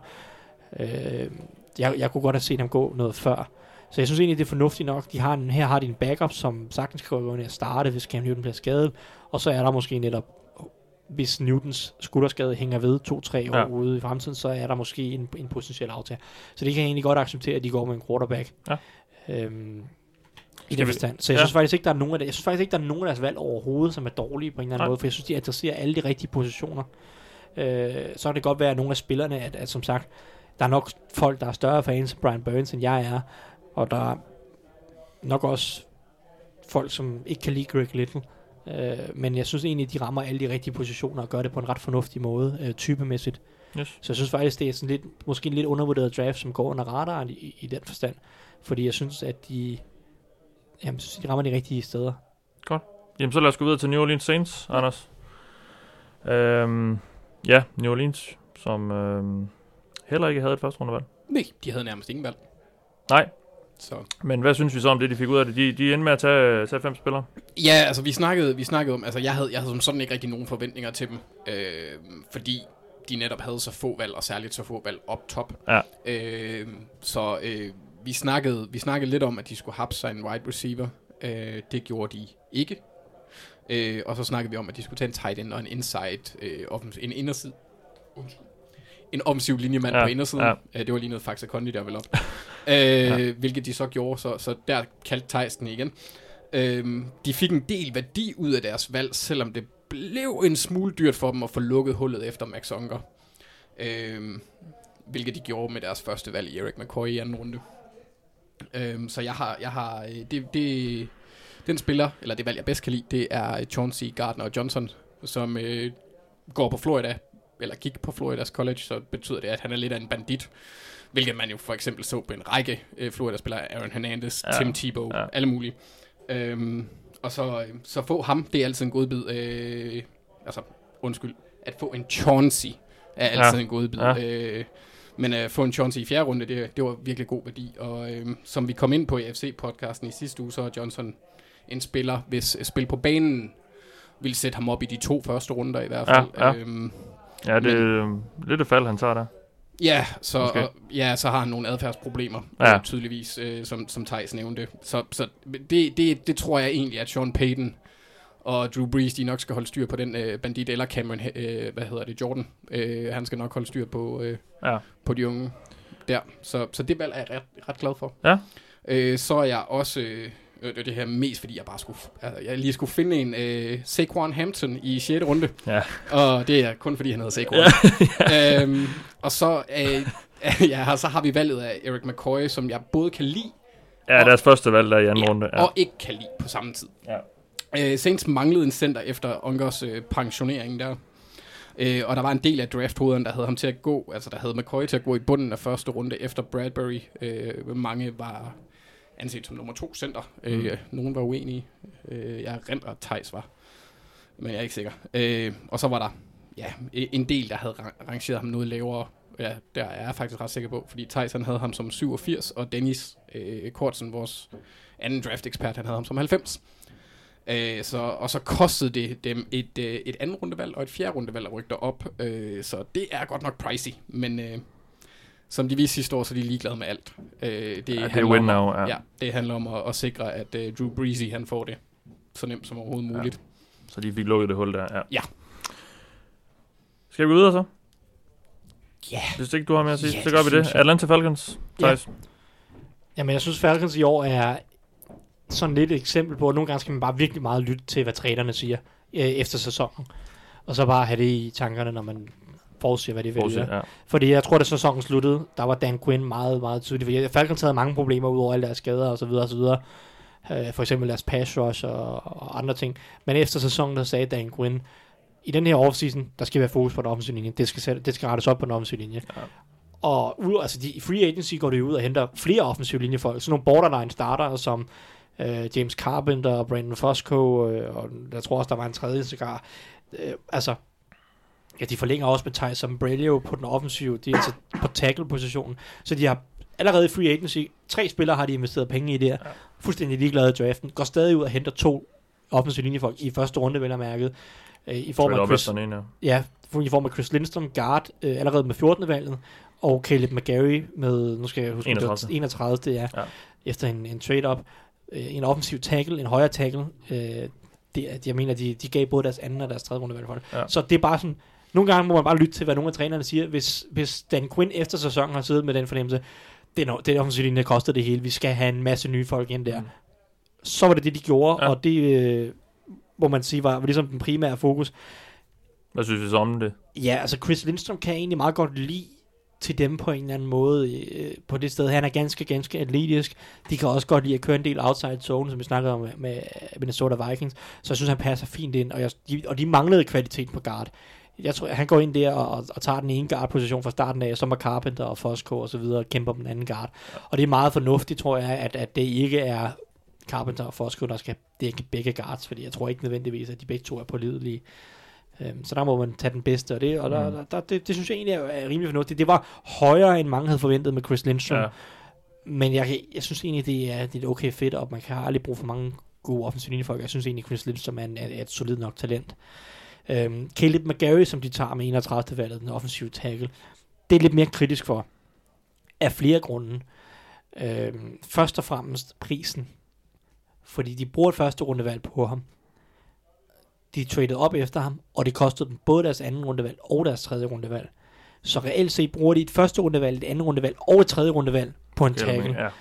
Det er vel at mærke en 24-årig tackle, så det er ikke nogen ung talentfuld, jo, talentfuld er han, men han er ikke nogen ung tackle. Nej. Når han er færdig med sit 50 year option og alt muligt, så er han tæt på de 30. Det er en anden ting, jeg synes, der taler det imod. Tredje ting er, jeg synes, han har nogle mangler i sit spil. Jeg synes ikke, at han nødvendigvis... Jo, han kommer formentlig til at starte i den første sæson, vil jeg tro. Men jeg er ikke overbevist om, at han bliver en kæmpe succes. Jeg er ikke sikker på, at han bliver en pro bowler eller noget. Han kommer sikkert til at starte, men jeg er ikke, altså, jeg er ikke helt solgt på ham som spiller. Nej. Jeg synes teknisk er der nogle mangler. Jeg synes, selvom han er 24 år, så virker han som en mand. Han virker, nogle gange så ser man nogle af de her rigtig unge spillere, som måske lige pludselig, da de var 17, 18, 19 år, voksede til 15 cm mere, end de havde forventet på en eller anden måde. Og, og så har de brugt to år på at, at få muskler i, i, i, sådan, i den krop. Og så er de stadigvæk som 20-21 år ikke helt ved, hvordan man skal bruge det. For eksempel øh, Max Crosby ud af Eastern Michigan. Nu er jeg faktisk ikke helt sikker på, hvem der valgte Max, Max Crosby, men det er også øh, irrelevant. Men han er sådan en type, hvor han virker stadigvæk, som om han lidt skal lære at bruge sin krop sådan super effektiv, super atletisk på alle spil. Og det synes jeg egentlig også Caleb McGarry gør. Men han- altså forskellen er bare, at han er 24 år gammel. Øh, han, har en, han har en helt vild øh, off historie, men den behøver vi ikke at snakke sådan om nødvendigvis. Men jeg, jeg synes bare, der er nogle mangler i, i form af, i forhold til teknik, og hvordan man skal bruge sin krop, og sådan den funktionelle atletiske evne på en eller anden måde. Så jeg er ikke, jeg er ikke sådan super solgt på, at han bliver en, en, en fremragende spiller, og så koster han vel at mærke et første rundevalg, et andet rundevalg og et tredje Ja. rundevalg. Så jeg synes, det var lidt, lidt, lidt voldsomt fra Falcons side. Jeg ved godt, at de gerne vil adressere den offensive linje, men jeg tror godt, de kunne have blevet der. Øh, ja, de må have haft sådan noget, det 43-44-agtige valg Ja, ja, i ja, anden ja. runde eller noget stil. Tror godt, de have blevet der og fået en fornuftig tackle, fordi der, der var mange offensive tackles på bordet, da de to Caleb McGarry. Cody Ford var der, også en højere, potentielt højere tackle. Dalton Reisner var der, potentielt højere tackle. Javon Taylor var der også på det tidspunkt, hvor de tager Caleb McGarry. Der var mange tackles på bordet som jeg synes, de kunne have valgt Ja. ja. i anden runde, uden at de skulle trade op, og så også give tredje runde valg væk og alt Ja. muligt. Så øhm, jeg synes, det var lidt for høj en pris. Vi, kan- vi kan lave en quiz om, hvem der tog ham. Hvilket hold virker mest oplagt at tage en spiller, der har dobbelt X i sit fornavn? Jeg har lyst til at sige Baltimore. Borto, men, de- men de gjorde Bare de fordi ikke. vi har gjort det før. Jeg vil sige ikke ba- evidensbaseret. Raiders gjorde det jo. Ja, gjorde The Raiders tog de ham? Okay. Ja, Ja, men- men, men ja. Altså, det er et valg, jeg godt kan lide for Falcons, fordi jeg synes, Ja. Lindstrøm var solid, men Gary var jeg ikke fan af. Jeg synes set heller ikke nødvendigvis super solgt på Kendall Sheffield, som de to som cornerback i fjerde runde. Men deres andet fjerde runde valg, John Kominski, fordi jeg synes, at de manglede at adressere pass rush positioner. Det var også derfor, jeg måske var lidt overrasket, de tog to offensive linjefolk. Fordi jeg synes, de manglede noget på den defensive linje. Jeg synes, de manglede i den grad noget at skyde med, fordi Vic Beasley virker ikke som en mand, der, der har det rigtigt. Og Tag Tag McKinley er heller McKinley ikke er- ligefrem uh, lagt uh, NFL er meget svingende, fordi han er konstant småskadet, eller Ja. hvad han er, sådan lidt en svingende type personlighed. Han råber og- højt. Ja. Så jeg synes, at de, jeg synes i høj grad, at de kunne have brugt en pass rusher på et eller andet tidspunkt. Det gør de så i fire runder. Det er så en John Kominski. Jeg har ikke set ham, fordi han spillede på en lille bitte college, der hedder Charleston. Øh, og der var ikke noget tape af ham overhovedet. Men han er virkelig, virkelig atletisk. Falcons elsker atleter. De er alle sammen vilde atleter, dem de har valgt. Øh, men John, han er virkelig, virkelig atletisk. Og så, så jeg, jeg kan godt lide, at de endelig adresserede det på det tidspunkt. Så hvis det er sådan rent positionsmæssigt, kan jeg godt lide det valg. Men ellers så er jeg faktisk ikke... Jeg, er ikke, jeg synes måske, de der var lidt tunnelsyn på en eller anden måde på at, at forbedre Ja. den offensive linje, og i, i den forstand reachede en lille smule for Chris Lindstrom, betalt for meget for Caleb McGarry på en eller anden måde. Øh, I forhold til, jeg synes også, at deres forsvar har nogle mangler. Jeg ved godt, at de fik en del skade, øh, spillere skadet sidste år, men der er altså steder på det forsvar, der kunne forbedres, blandt andet på defensive end, og det ventede man så helt til fire runder med. Yes. Jamen, skal vi gå videre så? Til, vi flyver øst på uh, NFC East. New York Giants, Anders. Ja, Ja, det er jo et af de mere omdiskuterede hold. ja, altså det, jeg har valgt at, at, at diagnostisere deres draft som, det er den mest Gettelmanske draft, som man overhovedet kunne forestille sig. Gettelman, Gettelmanne. Okay. Øhm, og jeg Og det var ikke at tage en running back med det andet valg sidste år. Ikke, helt, nej, fordi han er, han, er, han er ret glad for de store bamser, men jeg er ret sikker på, at hvis Saquon havde været i det der års draft, så havde de gået Saquon, Dexter Lawrence, Ja, øhm, Ja. og så traded op for Daniel Jones i bunden af første. ja. Øhm, men, men jeg havde ham en lille bitte smule for det, igen, fordi han, han, han spiller simpelthen hasard med Saquons karriere, og det kan jeg ikke lide. Øhm, Okay. okay. Alle havde forventet, at de ville gå quarterback ved valg 6, øh, 6 og det gjorde de, øh, og det fik de også at høre for i den grad. Øh, så jeg havde foretrukket lidt at få den draft, som Giants øh, havde i vores Doc Mock, Ja. ja. om man vil. Men det var nok også, fordi jeg selv tog valgene, så det giver meget god mening. Ja, ja.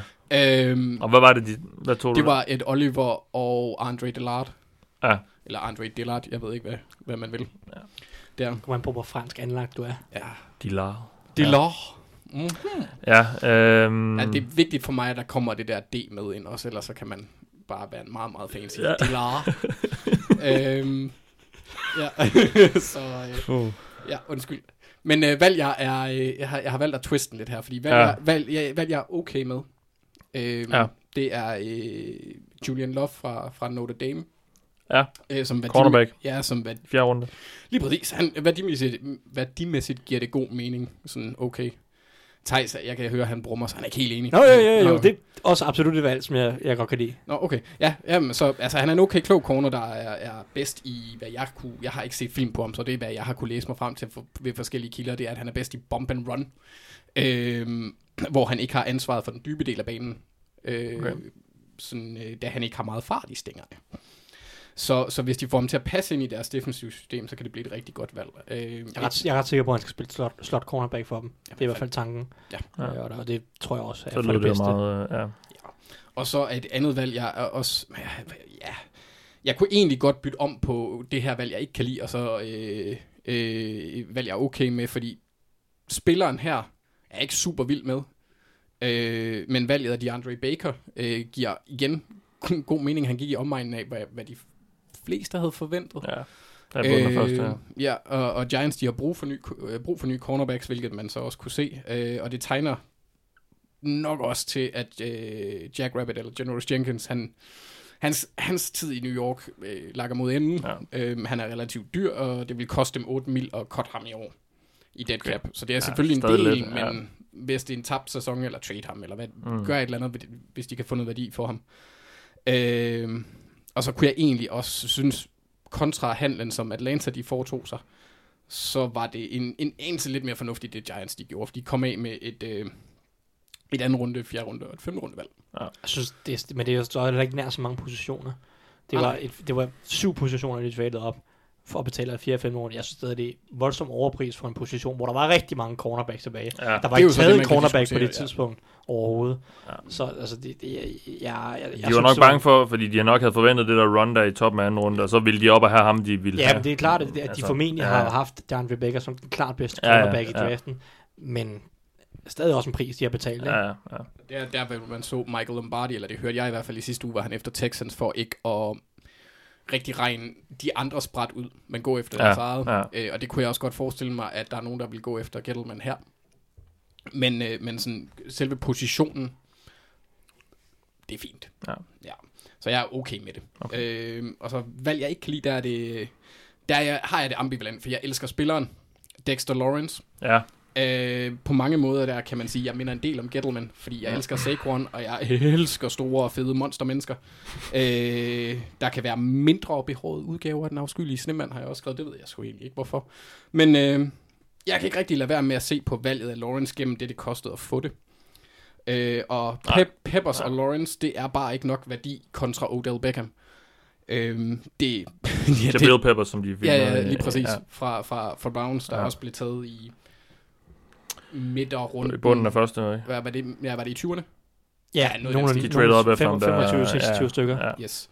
Øhm, det er sådan lidt to- tosset at, at, at tage øh, en spiller, hvis force godt nok har han nogle, muligvis nogle pass rush evner. Det er, ikke, det er svært at se, om det var hans opgave hos Clemson, fordi de havde så mange gode. Ja. Øh, men hans force er at stoppe løbet, og det havde de en af ligaens bedste til sidste år i Snacks Harrison, som de smed øh, til Detroit for et femte rundevalg. Øh, så det er en mærkelig følelse for, for... Jeg er vild med Dexters potentiale som spiller, men, men ikke når man ser det sådan i lyset af, af Odells skygge. Nej. Og det vil man altid, det vil jeg i hvert fald altid gøre. Øhm, Og hans værdi som runstopper er jo bare ikke særlig høj. nej, der er også, jeg tror Men også, det, jeg, det synes Dave Gettleman åbenbart. men jeg, jeg, jeg tror også, jeg så et tweet og, om, at der var en, der, der skrev, at David, øh, Dave Gettleman, han prøvede at vinde øh, NFC East i 1993. Ja. Øh, og det Ja. giver egentlig meget god mening, når Ja. man tænker på, ja, det var så også en god division dengang. Ja. Øh, men ja, og så øh, det næste, det er Daniel Jones, og jeg skal nok prøve, Okay. prøve at Ja. være sådan lidt hurtig, men, men alt, hvad jeg har set og hørt om ham inden draften, så giver det bare ingen mening at tage ham i top 6. Øh, det eneste sådan, argument, sådan, det, det jeg har hørt flest, det er det der, år, men han har Manning-forbindelsen igennem Cutcliffe. Øh, Ja. Who cares? Øh, fordi manden, han har to NFL quarterbacks på CV'et med succes. Øh, det, jeg tror også, han trænede Heath Schuler, da han blev draftet i top 3 af Redskins i 95 eller 94. Øh, men det er bare, altså, der, der siger jeg, slap af. Øh, man burde måske have... Jeg burde måske, eller vi burde måske have gættet det en lille bitte smule, når man kigger på, øh, på Daniel Jones' evner. Og så øh, den receivergruppe, som, som Giants har, for den er ikke ligefrem fyldt med dybe trusler. Altså givet, de har Corey Coleman og Corey Latimer, der kan løbe stærkt, men de kan ikke gribe bolden. Øhm, så mm, de har så til gengæld nogen, der er rigtig gode til dink and dunk i øh, Sterling Shepard og Golden Tate. Og der kunne jeg godt se, at det spiller lidt op til Daniel Jones' forcer. Ja. Øh, men det, det var en mærkværdig draft. Altså, vi snakkede lidt om Daniel Jones i sidste uge, og øh, som også jeg sagde, der, der er jeg ikke ubetinget... Øh, jeg havde det ikke ubetinget, det valg. Nej, nej. Altså, fordi det er, en, det er positionen, du skal have noget på. Mm. Og hvis de føler... Og, og nu har de endelig gjort noget ved Eli Manning-problemet, han har sagt. Eller i hvert fald, øh, nu har de en eller anden plan for fremtiden. Øh, så ja. Ja. Nu må vi så se, hvad han, hvad han kan. Det, det er klart, han, han får ikke mange pæne ord med på vejen, og det er selvfølgelig også fordi han blev taget med det valg, han gjorde. Og Han, var han nu blevet taget med det 17. valg, så Ja. havde det været en helt anden sag. Og han vil for altid blive sammenlignet med Sam Darnold selvfølgelig, så Præcis, de havde ja. mulighed for at tage Ja. i, i, Og det- sidste år. Og, og, og den del af det er jeg heller ikke fan af, fordi jeg kan ikke forstå, at man kigger på Daniel Jones og så siger, jeg ved godt, det kunne de ikke gøre sidste år, men altså, at, at man ikke sidste år, altså der var draftklassen bare så god, hvad, hvad angik øh, quarterbacks, øh, Ja, for mig vis, og man kunne jo godt se, hvad der kom i år, altså, Ja, og, og, og for mig viser det, viser det i hvert fald bare, at man, man tog fejl sidste år. Ja, Selvom at David Gettleman, Ja. han selvfølgelig ikke vil er det indrømme, måske lidt en at, de, indrømmelse, ja. at, at, at, de vil selvfølgelig ikke indrømme, at de tog fejl sidste år, men de fejlvurderede deres roster markant sidste ja. forår. De troede, at vi kan sagtens være med om ja. øh, AFC East-titlen og slutspillet og alt muligt. Men virker det som om, de stadig lidt tror det på en måde, eller? jo, de er ikke gået i fuld rebuild. Jo. Nej. Man Fordi- kan, man kan Og så alligevel, de har lige draftet en quarterback. højt, Ja, men- så, så, ja. så de er gået i sådan, okay, vi skal have en fremtid efter Eli-mode, Ja. men de er ikke gået i fuld rebuild, fordi de har stadig dyre spillere på rosteret, og de bruger stadig picks på mærkelige ja. positioner og så videre. øh, Så, men ja, De har så traded en anden god spiller væk. Så det, det, er også det, det er derfor, det er sådan lidt... Øh, det, men- det er men- svært at regne ud, fordi de, på en måde er de jo i gang ja med at de rebuild. trader Odell Beckham, Ja, ja, ja. ja. efter de så betaler dem en hel masse penge, Ja. ja. hvilket, ikke er Ja. god forretning. Nej. Men, men, men så giver de samtidig en masse penge til både Sterling Shepard og Golden Tate. Ja. Så, altså, og, Ja. og det giver jo ikke nogen mening, hvis Nej. du er i rebuild på den Nej, måde. nej. De har jo stadig Alec Ogletree og øh, hvad hedder han, øh, som du siger, Jack, Jack Rabbit, øh, Janoris Jenkins, Jenkins, på, ja. på holdet. Ja. Så de kunne godt have fået flere penge, som de kunne have bygget med et eller andet, på et eller andet tidspunkt Ja. i, eller i, i fremtiden. Ja. Men ja, Ja, og så tog de heller ikke nogen edge rushers. Så deres pass rush er... Det ser ikke godt ud lige nu. Nej, der er ikke meget at komme efter. Skal vi gå videre? Det synes jeg. Dallas Cowboys, Thijs. ja. Heller ikke noget første rundevalg. Nej, det har brugt de på Amari Cooper. Ja, det er de nok godt tilfreds med, tror du ikke det? Jo, I sidste det, ende. det, det, er de nok i sidste ende. Øhm, Han, han skal jo så vist have en masse penge, eller vil Ja. ja. gerne have en masse penge. det er klart, at nu skal Ja. ja. de betale ham, og det, Ja. skal, det, er jo, det, er det er jo det, der ligesom altid er farligt ved, eller ikke farligt, men det er det, der er hagen ved at trade de her første rundevalg for spillere, der har bevist Ja. deres værd i en eller anden grad, fordi du skal betale dem nærmest med det samme, øh, og det er selvfølgelig dyrt, så du får, ikke de her, du får ikke de her Nej. 4-5 år på en billig kontrakt.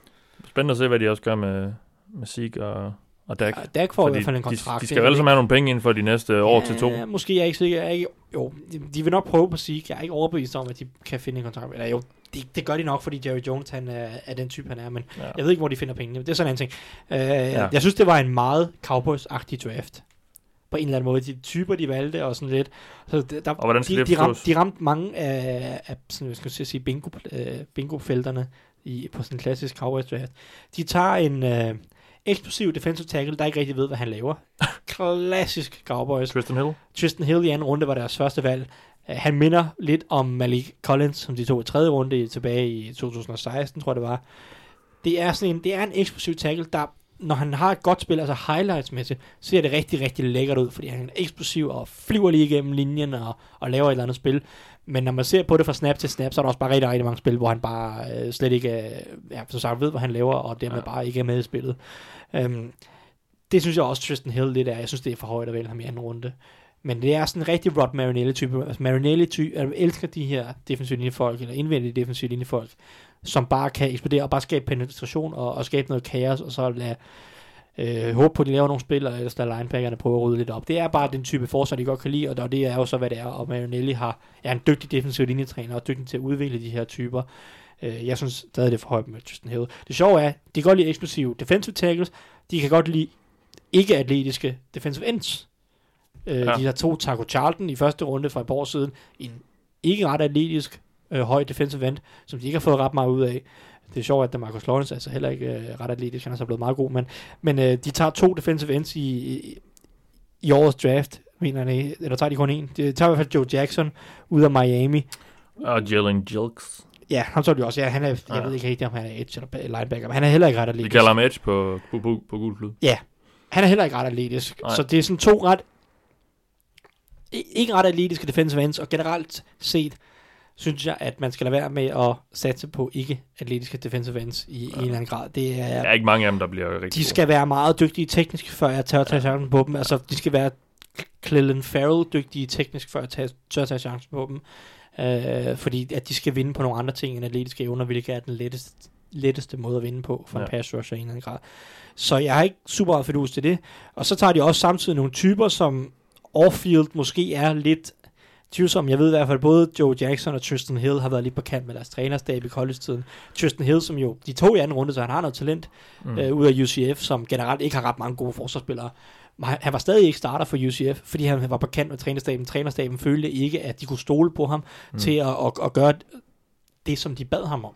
Så det er sådan lidt cowboys ja, Der er ikke nogen af dem her, der har slået en anden kvinde, eller øh, taget en masse stoffer, som de tidligere har været, ikke været bange for at tage øh, spillere af den Så det er fremskridt i det mindste. så det, det er fremskridt på den måde, ikke? Ja. Men der, der er stadig nogle typer, som har været lidt på kant med nogle af deres college-træner, og måske som personlighedsmæssigt Ja. ikke er øh, sådan de der hardworking blue-collar typer, som, som, som man nogle gange ser. Men dem har de jo heller ikke noget imod uh, Cowboys. Altså Nej. de typer, altså... Som, som jeg Zeke, siger. Altså, ja. Ja, han er måske hardworking, men, Ja, ja, men men, han er men ikke sådan... Nå, nej, men altså, Ja. det er bare, jeg siger, at det er sådan en klassisk Cowboys. Der, er nogle, der bliver taget nogle chancer Ja. ja. på nogle typer lidt. Ja, Der bliver taget en chance på en, en eksplosiv defensive tackle, på en ikke-eksplosiv defensive end, ja. og, og, og, og sådan lidt at være. Det er sådan meget Cowboys-agtigt. Øhm, jeg vil sige, på en eller anden måde, så var det jo lidt et hold, som når de ikke har et første rundevalg, så er det svært at finde impact-spillere, og når de så bruger deres første valg på en defensive tackle, som jeg ikke er super solgt på, så er det svært for mig at blive rigtig ophidset omkring draften. Jeg vil sige, at deres tredje rundevalg, Connor McGovern, synes jeg værdimæssigt er et rigtig, rigtig godt valg. Øh, selvom de måske ikke står og et desperat mangel på en offensiv linjemand. Øh, men jeg synes bare, at jeg, jeg tror, der er en fremtid starter i Conor McGovern. Han er ganske atletisk, ganske stærk. Øh, og, og jeg tror, han kan udvikle sig til en starter, også for Cowboys. Fordi det virker til at være planen, at lade, lade L. Collins, han, er, han går ind i sit sidste år af, Mm. af sin kontrakt nu her, det virker til at være planen at lade ham, hans kontrakt løbe ud, og så i 2020 kan Connor Williams, som de valgte i anden runde sidste år, komme ud og spille tackle, højre tackle, og så er Conor McGovern formentlig klar til at tage venstre guard på det tidspunkt. Så altså, der er lidt fremtidsperspektiv i det, og jeg kan godt lide Conor McGovern som spiller, så det er nok det valg, jeg bedst kan lide fra Cowboys side. Resten af det er jeg ikke super solgt på. Jeg vil også sige sådan, skal man tage en running back i fire runde, når man har Ezekiel? Det er lidt den samme debat med Vikings, og man kan sige, at Ezekiel Elliott er endnu mere robust, end Dalvin Cook er. Mm. Øh, og Tony Pollard, som de vælger, ud af Memphis, han er ikke umiddelbart en, en bell cow type. ja. ja. Han er lidt mere en gadget receiver, lidt mindre type, som blev brugt en del som receiver. Mm. i college, så jeg er ikke helt sikker på, hvad hans, hvad hans rolle skal være i tilfælde af, at Zeke bliver skadet. Altså, så skal det være, fordi de netop vil bruge ham lidt som slot receiver, og i, i sådan en, noget af det, som de også har prøvet med Tavon Austin, lidt, netop lidt en gadget-type. Ja. Øh, og det kan godt være, at de vil prøve at, at bruge ham i det, men det er jeg stadig bare heller ikke helt sikker på. Jeg vil bruge et fire rundevalg på. Men altså, som sagt, meget cowboys i draft. Jeg har svært ved at blive ophidset over det. De har ikke noget første rundevalg. Jeg kunne ikke lide deres anden rundevalg. Nej. Så for mig er det svært sådan, ligesom at sige, yes, der, der fik de en masse impact-spillere. Men må ikke, at der er et par af de her typer, som ned ad vejen kan bidrage. Michael Jackson har også noget potentiale. Godt navn selvfølgelig. De tager både Michael Jackson og Joe Jackson. Ja, Det kan godt blive hårdt. ud af Miami begge to. Øh, Det er der, man ikke skal lave joken om, det kan blive hårdt slående. Ja, lige præcis. Ja. Slagkraftig duo. Så det lader vi være med. Ja, det lod jeg ikke være med. Ja, men øh, uanset hvad, der er nogle af de her, der har noget potentiale. Ja. Jeg er ikke super solgt på, at de kommer til at bidrage ret meget i år. Øh, på samme måde, som vi jo netop, altså vi så Leighton Banders sidste år virkelig bidrage Ja, for dem. ja. Øh, også Michael Gallup og til dels Connor Williams. Altså, så sidste år var virkelig en, en, en god draft for Cowboys. Jeg er ikke sikker på, at der er ret mange af dem her, der kommer til at bidrage i år øh, på den her måde. Vi iler videre til øh, Philadelphia Eagles, Anders. Vi igler videre. Nej, undskyld. Oh ja. Øh, ja, øh, jeg var egentlig Også kun fem valg, ligesom nogle af de andre, vi har snakket om i dag. øh. Ja, og, og igen, optimist hatten. Øh, glad Anders, øh, eller øh, positiv Anders i hvert fald. Øh, Howie, Ro- Howie Roseman, øh, han ser endnu engang ud til at vide mere og bare være bedre end mange af kollegaerne. Og de gjorde alligevel noget af det, som vi havde snakket om i optagsprogrammerne. Øh, det var faktisk tæt på, at, at Thijs han kaldte de to første valg. Øh, og de var endda oven i den mere snedige end Brian Gaines, så de fik en udmærket tackle. Øh, jeg, kan, jeg kan faktisk godt lide den handel, og ja, ja, ja, som sagt, jeg kan lide hele deres draft. Ja, de, de, de trader op efter Andre Dillard ja. Ja. Øhm, i første runde der. yes, og jeg synes også, at de fik, øh, de fik tilføjet en, en, en, en håndfuld spillere, lige akkurat, der kan Mm. gå ind og udfylde nogle huller øh, med det samme. Øh, Dillard, han giver en, en, en god backup tackle, øh, der kan gå ind og tage over for Jason Peters, når han enten stopper eller bliver Ja. skadet, Ja. og øh, hvis øh, Lane Johnson han lige misser en enkelt kamp, hvilket han har en tendens til at gøre en gang imellem. Øh, han har vist kun spillet to fulde, altså to helt fulde sæsoner. Ja. Øh, de fleste af dem har så været 15 også, så det er ikke helt, fordi han har sådan en skadesplade, eller så havde han lige den der suspendering, men der har de en, der kan gå ind Ja, ja, øh, og, og, og erstat og spille på et øh, tilpas godt niveau, så der er de ikke så, øh, ja, ude at skide, kan man sige. Øhm, og så, øh, så kan jeg også rigtig godt lide øh, valget, selvom det er en running back her, valget af Miles Sanders. Det kan godt være, at jeg har en eller anden ting med Penn State, og jeg har glemt 90'erne. Og running backs, ja. Ja, ja. bare øh, Kijana Carter og øh, Blair Thomas og alle dem der, de er helt ude af mit hoved. Øhm, så de, men han, han giver dem en spiller, der både kan løbe, gribe og, og, og pass protecte, er jeg for Ja. på et fornuftigt niveau.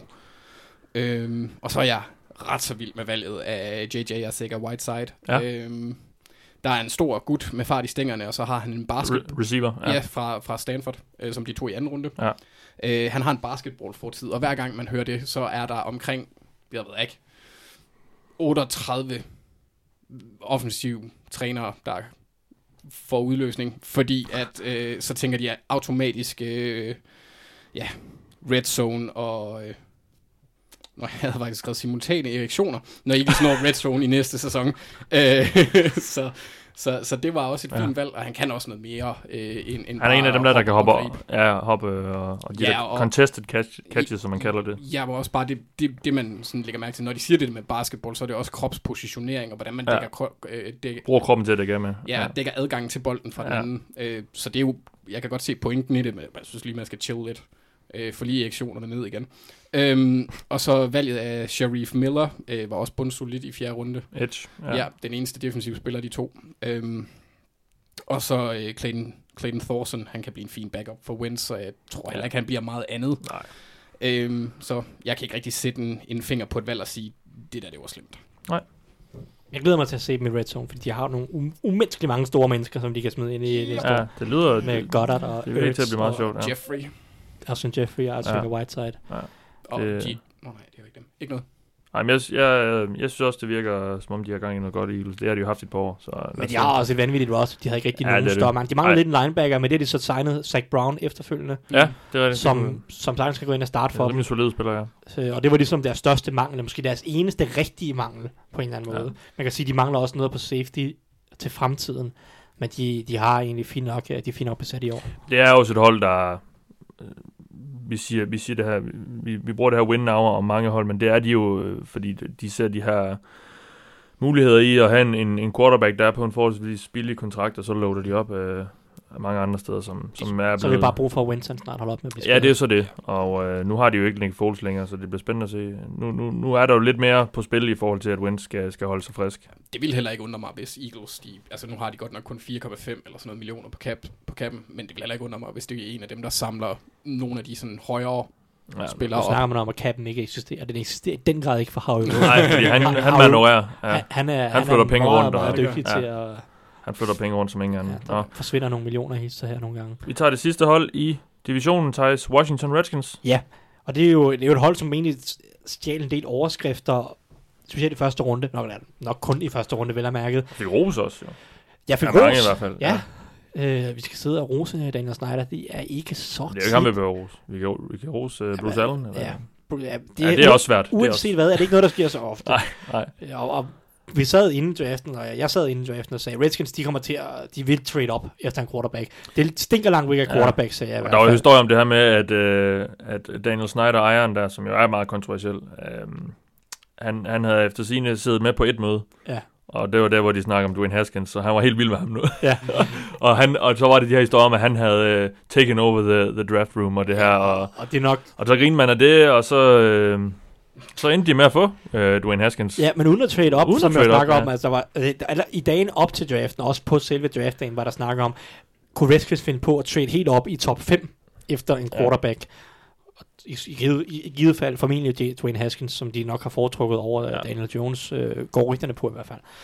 Øh, men de valgte så ikke at trade op overhovedet. De, om det var fordi, de ikke kunne finde en trade partner, ikke var villige til at trade øh, hele vejen derop, eller om fordi de rent faktisk havde læst bordet, og, og, og, og læst, at Bengals vil ikke tage Dwayne Haskins, Dolphins vil ikke tage en quarterback, Giants de tager Daniel Jones. Hvem skulle så ellers tage Dwayne Haskins? Ingen. Okay, fair nok, så bliver vi bare liggende, og så kommer han hele vejen ned til nummer 15. Det lykkedes for dem. De fik en quarterback, og det kan jeg rigtig godt lide for dem, fordi på en eller anden måde, så mangler de noget fremtidsperspektiv. Nu kan jeg så, man kan så stadig diskutere, hvorfor i alverden har de så ikke gjort et eller andet for at skaffe sig af med den her Alex Smith-kontrakt, så de økonomisk set også kan starte Ja. forfra med Dwayne Haskins. Men det må de så finde ud af hen ad vejen, hvorfor de stadig betaler 20 millioner dollars om året til Alex Smith.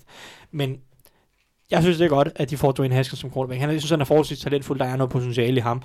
Uh, han er langt fra givet uh, er sikker starter, mm. eller sikker god spiller, eller sikker god quarterback i ligaen, men der er noget potentiale, og de manglede et eller andet at skyde med. Det er voldsomt uinspirerende at gå ind til sæsonen med Colt McCoy og Case Keenum som de, Ja, ja, de potentiale. Det er ikke en spændende august måned, når man skal høre om en quarterback-kamp mellem dem. Nej. Der er det lidt sjovere, når Dwayne Haskins han er med i, øh, i, i mixet, og jeg vil tro, at han har ret gode chancer for at vinde starterjobbet Ja, allerede fra dag 1.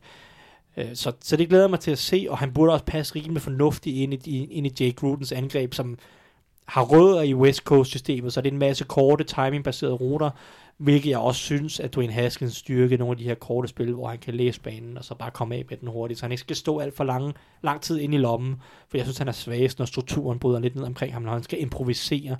Der er Ja. de her lidt hurtigere spil bedre for ham. Så det tror jeg egentlig er et, et fint fit for ham også. Ja. Så den anden spiller, de vælger første runde, Montez Sweat, Ja. som jo også, han- han var jo egentlig anset af mange, som kunne være Top 10, vel? ja, som ku- kunne være top 10 og kunne gå Ja. meget højere. Men der har været alle de her rygter omkring øh, en, en potentiel, en mulig hjerte øh, fejl, eller Ja. en, en hjertelidelse, hvor hans noget med væggene i kammerne Ja, er for tykke, eller ja, hvad ved jeg. Jeg er ikke, jeg er kemiker, jeg er ikke biolog. så Ja. så det, det ved jeg, jeg ved, uanset hvad, var der nok mange hold, der ikke vil, eller taget ham af brættet, ikke vil risikere en eller anden form for medicinsk øh, situation. Redskins tydeligvis ikke et af de hold, og de tradede tilbage ind i første runde og, og fik Montez Sweat. Hvis hele hans lægelige situation øh, holder vand og alt muligt, så er det jo en, forholdsvis talentfuld og dygtig spiller, de får valgt i første runde. Så det er, de får både på angrebet og på forsvaret en eller anden brik, de kan bygge om. Og jeg er jo glad for, jeg tror, jeg sad inden, inden draften, i, i, i vores optagtsprogram til draften, øh, og, og sagde, jeg undrer mig over, at Redskins overhovedet ikke har kigget på nogen pass rusher i form af interviews og sådan noget, for jeg synes, det er deres største mangel på forsvaret. Der viste de så netop det der, vi sad også og snakkede om. Det er ikke altid, man skal kigge på, hvem de har snakket med, og hvor meget interesse de har vist og sådan noget. Nu er Sweat måske også en unik situation, men de endte med at adressere en pass rusher. Det er jeg rigtig, rigtig glad for, for jeg synes virkelig, det var en stor mangel efter afskeden af Preston Smith. Så, så jeg kan rigtig, rigtig, rigtig godt lide deres første runde, det må man ja. sige. Det, det er to rigtig, rigtig gode valg. Resten af deres draft er jeg ikke super inspireret over. Jeg synes ikke, der er så meget der. Terry McLaurin, den næste valg i tredje runde, en wide receiver. Det er fint nok. De mangler også lidt en type som ham, men en lidt hurtigere type. Han kommer over fra samme college som Dwayne Haskins, så de kender hinanden, og der er måske en relation, de kan bygge videre på der. Så det er et okay valg. Ikke den største McLaurin-fan, så øh, jeg er ikke sådan helt op at køre over det, men det er fint nok. Øhm, Bryce Love ved jeg ikke helt, hvordan passer ind, men jeg kan godt lide ham som spiller, så det vil jeg sådan set ikke kritisere meget for. Running back, ja. Running back ud af Stanford, som har, han rev korsbåndet over sin sidste college-kamp, Ja, ja, så der er også den ting, og nu har de et Darius Guys, som rev korsbåndet over sidste august måned, Ja, ja. så nu har de en masse running backs, der er på vej tilbage efter en korsbåndsskade. Det, Det er spændende. og så Adrian Peterson, som stadig lever. En Han har også haft en korsbåndsskade engang. Ja, men det er jo, men, men ja, det er nogle, det er nogle år siden. ja. Men ja, men øh, så de har de, det er lidt en mærkelig gruppe af, Ja. af running backs, de har samlet sig. Sådan en 32-årig gammel uh, Ja. Running Og back. Geis er jo egentlig også rookie, altså han spillede jo slet Ja, ikke sidste år. det, det er han jo Ja. sådan, øh, effektivt set på en eller anden måde, som de valgte i anden runde sidste år. Ja. Også en spiller, der fandt langt, øh, hvis vi snakker Ja, om til Sweat, og så tog ja. de uh, guys. Nå, men, øh, men altså, det, så det er fint nok valgt af Bryce Love. Han er en lidt anden type end, end Guys og Peterson, så hvis han kommer så oven på sin korsbåndsskade, så er Mm. det fint nok. Øhm, resten af det er lidt uinspirerende, føler jeg. jeg, jeg specielt, specielt valget af Ross Piersmarker forstår jeg egentlig ikke fra, men der er jo noget Alabama og Guard. Center, guard, center, center ja, primært ja. fra, fra Alabama. Han, øh, men de elsker jo Alabama-spillere på, på Ja, Washington, det gør de. de, og de elsker bare generelt store skoler, Ohio State og Ja. Mississippi State var deres tre første øh, valg udefra. Men altså, jeg, jeg, jeg synes ikke, han er nogen god spiller, og jeg, jeg er ikke sikker på, at han gør så stort forskel for dem. Men jeg synes egentlig, på mange måder er det en forholdsvis solid draft. De første to er rigtig gode, resten er hverken det ene eller det andet ja. for mig. Øh, så så overordnet set vil vi gerne rose Bruce Allen og Daniel Snyder. Øh, Ja. Og så må, vi, så må vi se, hvad, hvad Haskins bliver til. Jeg føler, det var en chance, de blev nødt til at tage. Øh, og så må vi se, om han så bliver til noget, noget, noget godt eller noget middelmådigt. Yes, godt. Vi hopper videre til NFC West, den sidste division, Anders, og øh, vi lægger ud med Seattle Seahawks. Ja, og de gjorde næsten som de plejer, efterlod deres fans med samme reaktion, som Thijs havde, da jeg lavede en reference til blinkende lygter i den foregående sæson. øh, det var, hvad fanden foregår der? øhm, og og, og så, så jeg, jeg også lige nødt til at give mig selv lidt kredit i forhold til, hvad vi havde forventet i sidste uge, øh, for jeg havde ret, de to ikke en ponder. Øhm, men det var lidt, lidt af en middelmodig pose, øh, uden sådan det store atletiske potentiale, hvis man lige ser bort fra deres sidste anden rundevalg af DK Metcalf, som ja. ikke er andet end atletisk potentiale nærmest. Nej. Øh, ja, jeg kalder ham manden, som jeg er ret sikker på stod model til Michelangelo's Da- David. Ja. Altså, den, er, den, er, den er en Ja. til en, den Ja. der fem fod høje, eller fem meter høje statue der. Ja. Øhm, så lad os starte med valgene der. Jeg godt kan lide at kombinere den en lille bitte smule hurtigt her, men jeg fokuserer på DK Metcalf, så det er nok den spiller, øh, der er blevet snakket mest om siden øh, ja, han er givet Combine Thanos og, og bare ødelagde det hele. Ja. Øh, og så, så smadrede alle hjernerne hos, øh, hos dem, der har et Al Davis-genet. Øh, men at få ham i bunden af anden runde, det synes jeg er et virkelig godt match i forhold til talent og værdi. Ja. Øh, eller behov og, og, og talent. Øh, jeg tror godt på, at, at Metcalf kan blive en succes for Seattle, blandt andet på grund af Wilsons evne til at forlænge spillene, fordi han netop er sådan et stort fysisk monster. Ja. Jo længere tid spillet var, jo sværere er det for cornerbacksene at holde øh, opdækningen. Vi så jo også meget det her sidste år, altså løbespil, løbespil, og så nogle dybe skud. Ja. Øh, og det var jo sådan noget, det var jo lidt, et, lidt underligt angreb, for, Ja. for at sige det mildt. Ja. Ja, og så, og så, så lige, øh, lige til sidst, så tog de også øh, en, en spiller af, ud af West Virginia, der hedder Gary Jennings, Ja. øh, som også er, er en fin spiller der i fjerde Receiver. runde. Receiver ja, også, øh, Også en halvdyb trussel, altså også en hurtig spiller. ja. Og, og også en, en, en god spiller at have nu, hvor man, man er meget usikker på, om, om Doug Baldwin han fortsætter. Øhm, så, så det er ja, jo... der er lidt skadesbekymring der. de, de, de har gjort, de, de gik udpræget øh, behov, øh, Seattle. Og øh, selvom jeg ikke sådan var, var ret vild med de enkelte valg, så var jeg ret vild med den måde, de samlede picks op på, eller valg op. Mm. Øh, øh, for Jeg trader ned ja, de, i de, første lavede, runde, ja. de lavede otte trades i alt. Øhm, så de gik fra at have fire valg til at have 11 plus et ekstra anden rundevalg næste år. Øh, det var via øh, Frank Clark-traden. Øhm, så det var det, jeg vil kalde Belichickian. De, Ja. ja. de fik godt nok hamstret. Øh, og så fik de også nogle udmærkede spillere i, øh, i Thijs' man crush, hvis jeg husker rigtigt, Phil Haynes. ja. Yes. Øh, som En er guard. En, ja, ja. som, øh, ja, I fjerde runde, ja. Yep, en, øh, en, øh, en, der skal ind og, og, og slås med, om startpladser med DJ Fluke og I- Ethan Pochic og øh, øh, NFC Wests øh, rundetrunde Mike Uparty. Nå ja, ja, ja. Han, han mangler, ja. mangler han Rams, så har han ja han dem mangler Rams, ja. Yes. Øhm, så, øh, og så også øh, linebackeren fra den lokale skole, Ben Burkervin, er også en, en okay spiller Ja. ja. i forhold til værdien der. Valg, jeg ikke sådan kan lide, og hvor her kommer der, hvad fanden foregår der, øh, eksemplet ind, øh, det var første runde valget af LJ Collier. Øh, det var et, Edge, ja, defensive end, ja. Ja, det er et ret højt valg for en, øh, en, en defensiv linjemand, der kun har én pil i hans pilekokker. Øh, han er stærk. Øh, han har et godt bull rush, men øh, han er noget stiv i det. Øh, Okay, ja. ja. Så han minder mig en smule om valget af, af en, en, en tidligere Pete Carroll-spiller, der hedder Lawrence Jackson, som blev taget i første runde Ja. i 2008. Der spillede USC, på- øh, Lige præcis, Ja. ja. Han spillede for Pete i USC, ikke, Ja. ikke, ikke, øh, så kom Pete så året efter til Seahawks. Ja. Hvis jeg husker rigtigt. Ja. Øh, tror så det er jeg ikke helt solgt på, men altså, han kan jo overraske. Det er jo ikke, fordi han er en dårlig spiller. Jeg synes bare, værdien var, var lidt underlig. Ja. Og så øh, endnu et af de forvirrende valg, det var valget af, af Marquise Blair i anden runde. Øhm, Safety. Ja, øh, han, hans styrke er sådan lidt tæt på linjen. Det er øjensynligt også øh, der, hvor, hvor Carroll forestiller sig, at han skal spille, mm, som jeg har set det, men, men der var bare bedre spillere på brættet. Sådan en Cam Chancellor-type, eller hvad? Kropsmæssigt, han- det sjove er jo, at han er bygget som Earl Thomas, spiller som Cam Chancellor. Okay. øh, øh, øh, altså, han er bygget som en free safety, og har fart som Okay. en free safety, så han er sådan lille og væver og rimelig hurtig. Men hans instinkter i opdækningen er ganske dårlige, og han er klar bedst, når han bare kan sådan, få lov til at tyre ned efter en eller anden running back i løbespillet. Nå, Så det er sådan, han, har en, han har en mentalitet, som at han er øh, 15 cm højere og 20 kilo tungere, end han egentlig er. Det er den det er sådan perfekte hybrid. Men det de er sådan to, meget øh, øh, lidt, lidt spøjs spiller på en Ja, eller anden måde. ja. Han, er, han, han er sådan lidt en undersized øh, Daniel, Daniel Savage på en eller anden måde. Okay. Um, Ja. jeg, jeg, jeg, jeg, jeg, jeg har svært ved at greje ham som spiller, fordi han netop er atypisk. Men, men, men er der noget, Pete Carroll kan, så er det at udvikle defensive backs, så Ja, måske Det har det, han, ja.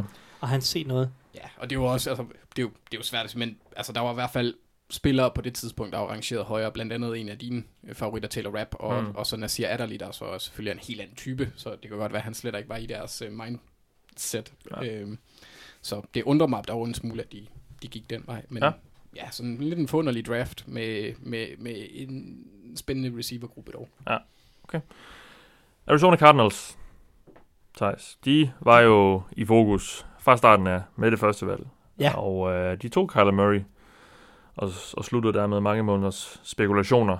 Øhm, hvad synes vi om det hele? Jamen, jamen øh, Og, og, og, og vi skal jo også tænke Josh Rosen øh, handle lidt ind i det måske. Ja, absolut. Øh, jamen, der, der er så mange ting i det. Jeg kan jo... Jeg, der, var, der, okay, der, er, der er folk, der har større, der er større fans af Kyler Murray, end jeg er. Jeg synes, han var den bedste quarterback i år. Så det Ja. i, i den forstand fint. Jeg synes stadig, at han har en del mangler i sit spil, eller ting, som gør, at han, han kan få det øh, svært i NFL, og jeg snakker ikke om hans højde. Øhm, jeg, jeg snakker mere om hans evne til at læse spillet, og nogle af de beslutninger, han tager, og så videre, og så videre. Øhm, så jeg, jeg er ikke overbevist om, jeg, jeg synes sidste år, at Josh Rosen var et større talent, end Kyler Murray er i år. Lad os sige det sådan. Ja. Øh, det kan så godt være, at med Men du er også høj på Rosen, var du ikke det? eller? jeg var rimelig høj på Rosen Ja. ja. sidste år. Øh, det, det, det, det, det må jeg gerne indrømme. Men jeg er bare stadig ikke sikker på, at Kyler Murray bliver en, et, en super quarterback. Men han har, han har bestemt potentialet, og det er selvfølgelig ja. det. Og han passer godt ind i Cliff Kingsburys Ja. angreb, og det er jo selvfølgelig også en ting i ligningen, og, og det gør Josh Rosen måske ikke. Og Josh Rosen har måske større problemer med at skabe noget ud af ingenting, har måske mere brug for en offensiv linje, fordi han ikke Ja. ja. er så mobil. Og Cardinals har ikke nogen offensiv linje.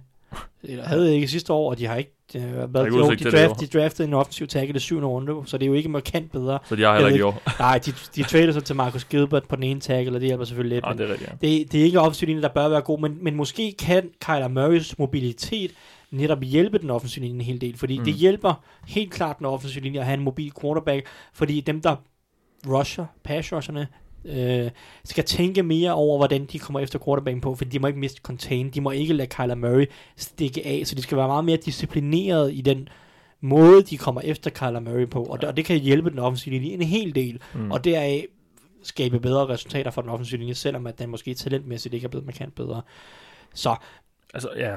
Så altså overordnet set, jeg er ikke den Men, største... men, King, men Kingsbury har jo følt, det her det er min, det er min mand. Ja, og, og det er også, altså jeg, øh, jeg er helt klart for, altså jeg synes, jeg kan sagtens forstå valget. Jeg synes, det er fint at tage chancen på ham, hvis man absolut mener, at her har vi en, en fremtid i top 5, top 10 quarterback i NFL. Fordi forskellen på en top 5 quarterback og en top 15 quarterback eller en top 20 quarterback er bare kæmpe, ja. kæmpe stor. Ja. Altså hvis du har en top 5 quarterback, så er du i slutspillet nærmest, nærmest hvert år, og har en chance for at vinde Super Bowl. Hvis du har en, lad os sige, en gennemsnitlig NFL quarterback, en top 15 quarterback, så, så kræver det et rigtig godt hold omkring ham, for bare at kunne være altså, konkurrencedygtige. Altså vi ser det, altså øh, hvis du tager Matt Ryan, Russell Wilson, de her typer, som er rigtig, rigtig dygtige, øh, de, i næsten alle sæsoner kan de bære deres hold til at være gode. Nu lykkedes det ikke for Falcons og Ryan sidste år, men der var så også rigtig, rigtig mange skader. Men altså Russell Wilson, det her Seahawks hold, som, som sidste år øh, kom i slutspillet, talentmæssigt var det ikke specielt godt. Jeg ved godt, at, at Pete Carroll er en dygtig defensiv træner og så videre, men Russell Wilson, han bare rigtig, rigtig meget af det hold sidste år. Ja, absolut. Og, og, og hvis du ser på nogle af de lidt dårligere quarterbacks, som jo stadig er fine quarterbacks i en eller anden grad, så sådan en type som Matthew Stafford, han er jo en fin quarterback, men han har ikke været i slutspillet ret mange gange, fordi han ikke har haft de der gode hold omkring sig. Altså han har brug for mere talent omkring sig, både på forsvar og angrebet, for at, at det sådan rigtig bliver farligt, og for at de rigtig kan gøre noget. Og, og hvis, hvis de mener, at Josh Rosen er på Matthew Stafford-niveau talentmæssigt, og de mener, at Kyler Murray er på Russell Wilson-niveau talentmæssigt, så skal de jo tage den Ja, chance, fordi ja. ja. den, den forskel er bare så, så stor. Så på den måde kan jeg sagtens forstå valget, og det er så ud fra den filosofi, at jeg accepterer valget. Altså, jeg er så bare ikke helt nødvendigvis så solgt på Kyler Murray, som de er. Ikke at jeg synes, at han er noget dårligt talent, men ja. Og så bliver ja, Josh Rosen jo til Andy Isabella.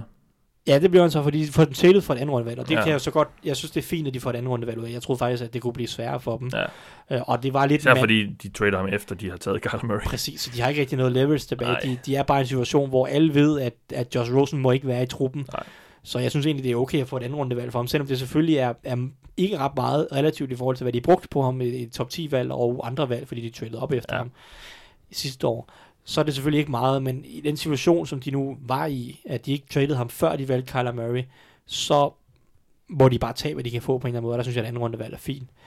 Ja. Øhm, så Jeg tror godt nok, Steve Keim, han må sidde derhjemme og tænke, uh, Cliff, please save my job. Ja, helt fordi sikkert, Hvis der, er nogen, hvis der er nogen general managers, der har deres øh, røv på, på komedien, han har sagt, altså... Øh, på, på spil, deres job på spil, så, så må det være Steve Keim. Altså to, to head coaches nu øh, på to år, og to quarterbacks i, i toppen af draften har han taget. Ja, fordi det er jo en forlitterklæring fra hans side, fordi han vælger, han vælger Josh. Rosen sidste Ja. år.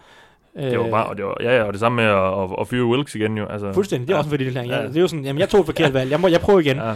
ja. Øh, altså, og, og så er tager man en, en, Ja. en, en chance jo på Cliff Kingsbury, som Ja. ikke har nogen som helst NFL-erfaring praktisk talt, øh, som træner. Så altså, det- Keim, han, er, han leger virkelig med chatonerne Ja. lige nu og, og, og går all in. Og, Men hvad Og- synes du så, han, han fik ud af de, de andre valg, han ja, tog? fordi det er jo så netop, som du siger, at, at, at uh, Kingsbury, please save me. Det synes jeg også, resten af draften spiller, uh, indikerer på en eller anden måde, fordi nu snakker du Andy Isabella. De tager tre wide receiver i hele draften. Oven. Ja. i, altså de to Christian Kirk i anden runde sidste år, har stadig Larry Fitzgerald i et eller to år endnu.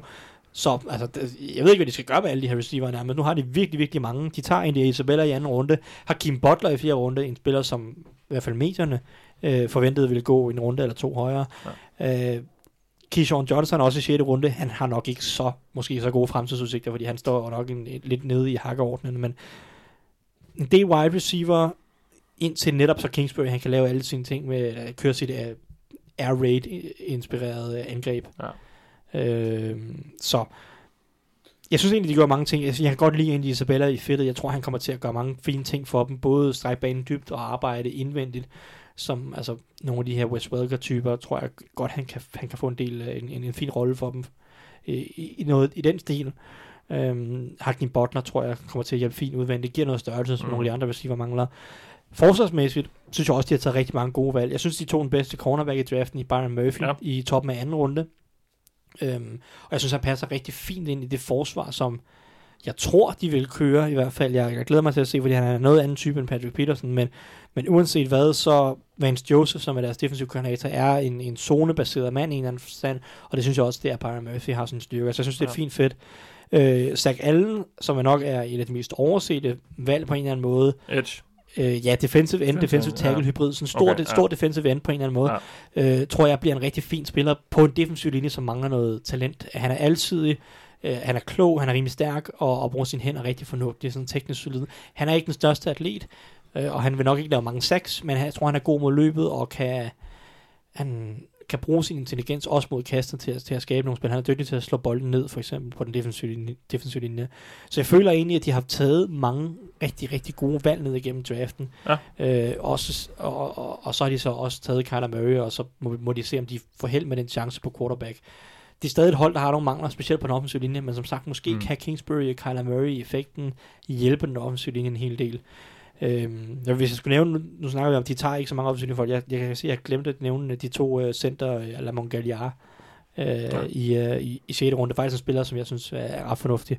Og jeg tror egentlig, at han, han ud, kan udvikle sig til en starter i NFL med lidt held, og jeg havde nok taget ham et par runder før, hvis det stod til mig. Så altså jeg faktisk, der er rigtig, rigtig mange af de her spillere, som jeg godt kan lide for Cardinals ja. draft, øh, men det hele hænger selvfølgelig med på Kyler Murray Ja. og, og, og Cliff Kingsbury til at få det her forløst, fordi de er i høj grad nogle typer, som er valgt til det system øh, og til det angreb. Godt. Jamen, øh, Anders, vi skal have dig på for sidste gang i dag. Whoop, whoop. San Francisco 49ers. Yes. Og hvor Cardinals havde jo det første valg, så øh, er det også meget naturligt, at du skal snakke om 49ers nu, fordi 49ers havde jo det andet valg Yeah. I draften. Kronologi er noget, jeg godt kan lide. Ja, Ja. det passer så, så godt sammen her. Um, ja, vi, vi, vi ved jo lidt om, hvad de to i toppen der. Det var Nick Bosa, men hvad, hvad synes vi sådan generelt om det? Jamen altså, det var... Det var som jeg har set, vi, det første valg var nærmest lige så sikkert som Kyler Murray, kan man jo sige. Vi havde gættet på Bosa. Øh, det var der, det havde de fleste havde sat dem ind. Ja. Der, øh, de næste tre valg tror jeg ikke nogen havde gættet, for, for selvom Tyson havde nævnt muligheden for wide receivers, øh, så, så tror jeg ikke, at der var nogen, der havde gættet på, at de ville gå så voldsomt til den. Men det er åbenbart en trend i, øh, i NFC Vest nu, kan jeg se. Det blev til to receivers, der ikke sådan rigtigt er receiver, og så en punter inden de femte runde to en spiller, der passede på et af de behov, som vi nævnte i, i gennemgangen. Ja. Øh, linebackeren øh, Dre Greenlaw. Ja, Broholds øh, holdkammerat for, for Arkansas. Øhm, Det er simpelthen utilgiveligt at drafte en punter i fjerde runde. Og det er også, øh, det, jamen, det kommer jeg også ind på. Ja, godt. så godt så nok. jeg, jeg er ret enig. Og så jeg vil bare sige- lige have den på, på bordet. Jamen, det kommer med sikkerhed. Ja. Øh, så, øh, men altså, det jeg kan sige, Jimmy han får i hvert fald en del af kastet til nu, fordi øh, wide, Jimmy G, receiver, ja. ja. wide receiver-gruppen, det er, består af Marquise Goodwin, Dante Pettis, der blev taget sidste år, Trent Taylor, Jordan Matthews, Kendrick Bourne, der har præsteret okay de to-tre sæsoner, han har spillet for dem. Han havde vist tæt på 500 yards sidste år. Og så de nye her, Jalen Hurd og Debo Samuel. Og så også en Richie James, der uh, spillet, ageret returner for dem sidste år. Øhm, men øh, valget, jeg godt kan lide, starter med Nick Bosa. Der er to årsager. Det er, øh, jeg kan godt lide, den første hedder det, jeg har spillet på banen, for, for Niners har fået en spiller, der har et rigtig, rigtig højt bundniveau. Og her, her kan man sådan tænke lidt på hans storebror Joey. Det er ja. højst sandsynligt den type spiller, du får. Det, du har set kopien. Ja. Han har bare lidt mere øh, upside, kan man Okay, sige. Lidt ja. mere potentiale, har jeg hørt folk sige. Øh, det jeg har ikke set ham spille i år, fordi han spillede ikke super meget i år. Nej. Så. Altså, ja, min sammenligning på Nick Bosa er Ryan Kerrigan, faktisk. Ja. Mm. Fordi øh, jeg synes, det er en ting, som han mangler i forhold til Joey Bosa, det er, at han er ikke lige så, han er ikke lige så stor og lang, og lige så fysisk, øh, fysisk stærk, synes jeg, som Joey Bosa er. Øh, til gengæld så er han måske mere, øh, teknisk mere, altså han måske mere øh, smidig på en eller anden måde. Mm. Øh, hvis man skal sige det sådan. Og, men, men for, for mig, øh, han kan nok blive, han bliver nok bedre end Ryan Kerrigan i en eller anden- forstand, men han er sådan, for mig er han bare den her sådan utrolig teknisk solide, kloge pass rusher. Øh, jeg er ikke sikker på, at han når 20 sacks. Jeg tror, jeg tror ikke, han er, han er helt eksplosiv nok til at blive en Von Miller-type. Men jeg tror, han kan levere dig levere mellem 12 og, 12 og 14, 15 sacks nærmest hver eneste år. Og så giver han jo også sådan muligheden nu for at stille op i nogle meget forskellige artede formationer på den defensive linje, fordi de har, hvad har de fire første rundevalg på den nu i, i uh, Eric, Ja. Eric Armstead, uh, Brenton Buckner, uh, Solomon DeForest- Thomas. DeForest DeForest, ja. Brenton, det er en gammel Eagles og Ja. Panthers uh, defensive tackle. Nej, men han, åh, han var okay. Ja, Han var stor. Uh, jeg mener, han var på det der Super Bowl hold, Panthers havde engang, men jeg er ikke sikker. Det tjekker jeg på Okay, et tidspunkt. ja. Øhm, ja, øh, men, men og så kan de krydre lidt fort ind i det også, øh, så, så det bliver spændende at se. Ja. Øh, så kan jeg også godt lide valget, fordi da vi, fordi Bose er blevet valgt af 49ers, så har vi fået en person mindre med idiotiske holdninger på nettet, og det kan jeg kun være tilfreds med. øhm, Han slettede alle sine, øh, sine tweets Ja, om, sine mindre- øh, mindre- om Trump, og, som han godt kan lide. Og sådan ja, altså de, de ting, hvor han, hvor han ikke rigtig... Altså det med Trump, fair nok. Ja, ja. Men at han synes, at øh, Colin Kaepernick er en klaphat, betyder, vidner det sådan lidt om, at han ikke rigtig forstår, hvad der foregår. ja. Øh, og det synes jeg er bare træls, fordi det, det, så er han faldet for de narrative medier, drev. Men nok om det. Ja.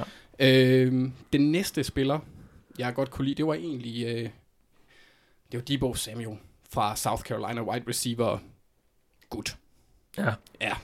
Øh, jeg vil egentlig rigtig gerne have sagt valget af, af, af ponderen Mitch Wisnowski. Øh, Det får du ikke lov til. Nej, men ponders er bare ballers. Men det vil ikke være fair her, Mathias. Det er du helt ret i. Øh, Ikke sgu i fjerde runde. Nej. Det lykkedes heller ikke da, for Brian Anker, da han blev taget i tredje runde. Ja, man skal det var bare et godt forsøg, men Man nej. skal bare ikke gøre det. Øh, Debo Samuel, han er lidt en sjov type. Han er ikke en ren øh, receiver, men han er en atlet, der virkelig kan gøre skade, når han har bolden i hænderne. Øh, og det tror jeg, at Shanahan nok skal kunne få lavet noget lækkert øh, moves ud af, og så samtidig giver han dem min mulige ny returner, selvom Richie James egentlig gjorde det ganske okay sidste år. Ja. Øhm, og så når vi til, til pondermanden. Mitch. Ja, øh, for normalt vil jeg føle mig lidt ligesom øh, Obelix, der fik tilbudt at drikke af trylledrikken. Øh, jeg vil være helt op og køre klar til at tæve nogle romer, øh, fordi jeg elsker Ponders. Men i fjerde runde, så skal du altså have et ben, der får... Øh, ja, får Sebastian Janikowski til at ligne en mand, der står i meget koldt Det vand. skal være Mike Ja. Dixon. Michael Yes. Dixon. Ja, ikke engang han havde ben, der var vildt nok. Han gik i femte runde. Øh, så det, det er en kendetosset med et fjerde rundevalg. Øh, Ja. i, I mine øjne. Så Ja. ja. det, det er sådan set det. Yes. Det næste, det er, øh, eller den sidste spiller, jeg lige har, det er en, hvor at jeg er meget usikker på, hvad pokker man gør med ham, og hvordan han bliver brugt. Og det er Jalen Hurt. Øhm, for hvis man har fulgt lidt med i college, så vil man kende til ham, fordi han var en relativt højt rekrutteret øh, rekrut ud af, af high school. Øhm, der, der valgte at spille for Tennessee Volunteers. Øhm, han valgte så at skifte efter Alvin Kamara kom til, eller et stykke efter, øh, til, til Baylor øh, hvor han så tog en fornuftig beslutning og ændrede position og blev wide receiver, fordi det er ikke mange running backs, der er øh, 6'4, 6'5, sådan 1,93 til 1,95 høj. Det er Jalen Hurt. Øh, så, øh, så det gør det ikke nemmere at være running back der. Så det var fornuftigt af ham, og han producerede også i Baylors system med 69 receptions og 946 yards. Men, og, og det kan godt være, det er mig, der er lidt hys her. Jeg nægter at tage spillere fra Baylor generelt. Øh, Ja. ja. Der har praktisk talt været... Okay, jeg er lidt...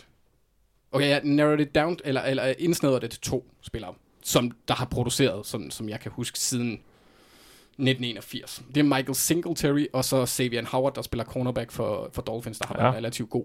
Ja. Øh, så jeg er en smule skeptisk, og, og jeg tror lidt, at de tager, altså at Shanahan han tager en flyer på det atletiske potentiale øh, af en mand, der både kan løbe og gribe bolden. Øh, bliver spændende at følge, men jeg er ikke sådan helt op at køre. Jeg bryder mig ikke om ting fra Baylor. Så det skal vi til det. Det sidste hold. Jeg, var, jeg, jeg er lidt overrasket over, at der ikke kom en på ponderen der, som hedder Mitch Wisnowski. Mm. Mm. Der ikke kom en Mike Wazowski øh, reference. Du er ved at falde af på den. Og Anders han er ikke engang sikker på, hvor Mike, Mike Wazowski er, er, hvor, det, hvor det kommer fra. Er det, er det, det, er, det er ikke de der brødre, der skiftet, der har lavet Matrix-filmene, som ikke er brødre længere? Nej, nej, det er en, en Nu er figur, figur i en tegnefilm. Ho! Du har fanget mig, Thijs! Jeg har simpelthen fanget det, og, og det er endda en rimelig moderne. altså, altså, Mathias, han må også kende ham, altså. Åh, oh, ja, ja, ja, selvfølgelig. Ja, ja. For Monsters, ikke? Åh! Ja. Ja, den har jeg kun set to gange. Ja. Ja. Øhm, i, og den ene begge gange. Jeg er bare chokeret over, så oplagt, fordi navnet ja. er så forholdsvis tæt på, at, Ja, det er rigtigt. Han ligner ham sikkert også. med Ja. et år, ja, ja. Nå, Nå, Los Angeles Rams, vise, visemestrene. jeg er simpelthen blevet miljøskab. Hvordan bringer jeg selv sådan noget på banen? Nå, Ja. ja, ja Los Angeles Rams. Øh, Sidste draft i NFC her, vi, vi kommer rundt om. Ja, Det er jo, jeg synes, jeg synes, at det var en interessant draft i den forstand, at jeg synes, de... Øhm, heller ikke noget første rundevalg til dem. Heller ikke, de, det var så fordi, de traded ned. Ja, det er rigtigt, det er rigtigt. U, et utal, i utal af gange, Ja, det. er rigtigt. Men det sjove er, at jeg synes faktisk, at de i, med mange af deres første valg vælger spillere på positioner, som de ikke har store mangler på. Øh, ja, i, i, den ja. forstand, at vi sad inde øh, og, og pegede på, okay, vi synes godt, de kunne bruge øh, noget indvendig offensiv linje, et center guard type. Vi synes godt, de kunne bruge en linebacker og noget pass rush. Og hvad, hvad, skal- vi skal ned til ja, bunden af tredje runde, før de tager en offensiv tackle, men de tager de tager en linebacker, de tager ikke nogen pass rush, de tager ikke nogen indvendige offensiv linjefolk overhovedet som vi jo synes i på papiret lidt var deres største mangler. Så, så det er jo interessant. Det sjove er så, jeg synes egentlig, at de spillere, de vælger på en måde, stadig giver mening i, for deres hold. Øh, den første spiller, de vælger, er Taylor Rapp, safety for Washington, som, som jeg egentlig er ret glad for. Øh, han havde en hofteskade, som, som nogen hold havde markeret, og måske var grunden til, at han faldt ned til valg nummer 61. Men jeg tror også, at vi inden draften, eller i optagsprogrammet, sad og snakkede om, hvordan at de havde snakket med mange safeties, og vi snakkede om, at selvom de har fået Eric Weddle ind, så virker de interesseret i at tilføje en tredje safety, måske i en eller anden form for TJ Ward-rolle. Jeg tror, vi snakkede om, hvordan at, at Wade Phillips havde brugt TJ Ward lidt som en linebacker øh, i sin Broncos-tid. Og det er jo så lidt med valget af Taylor Rapp, som er en box safety af type.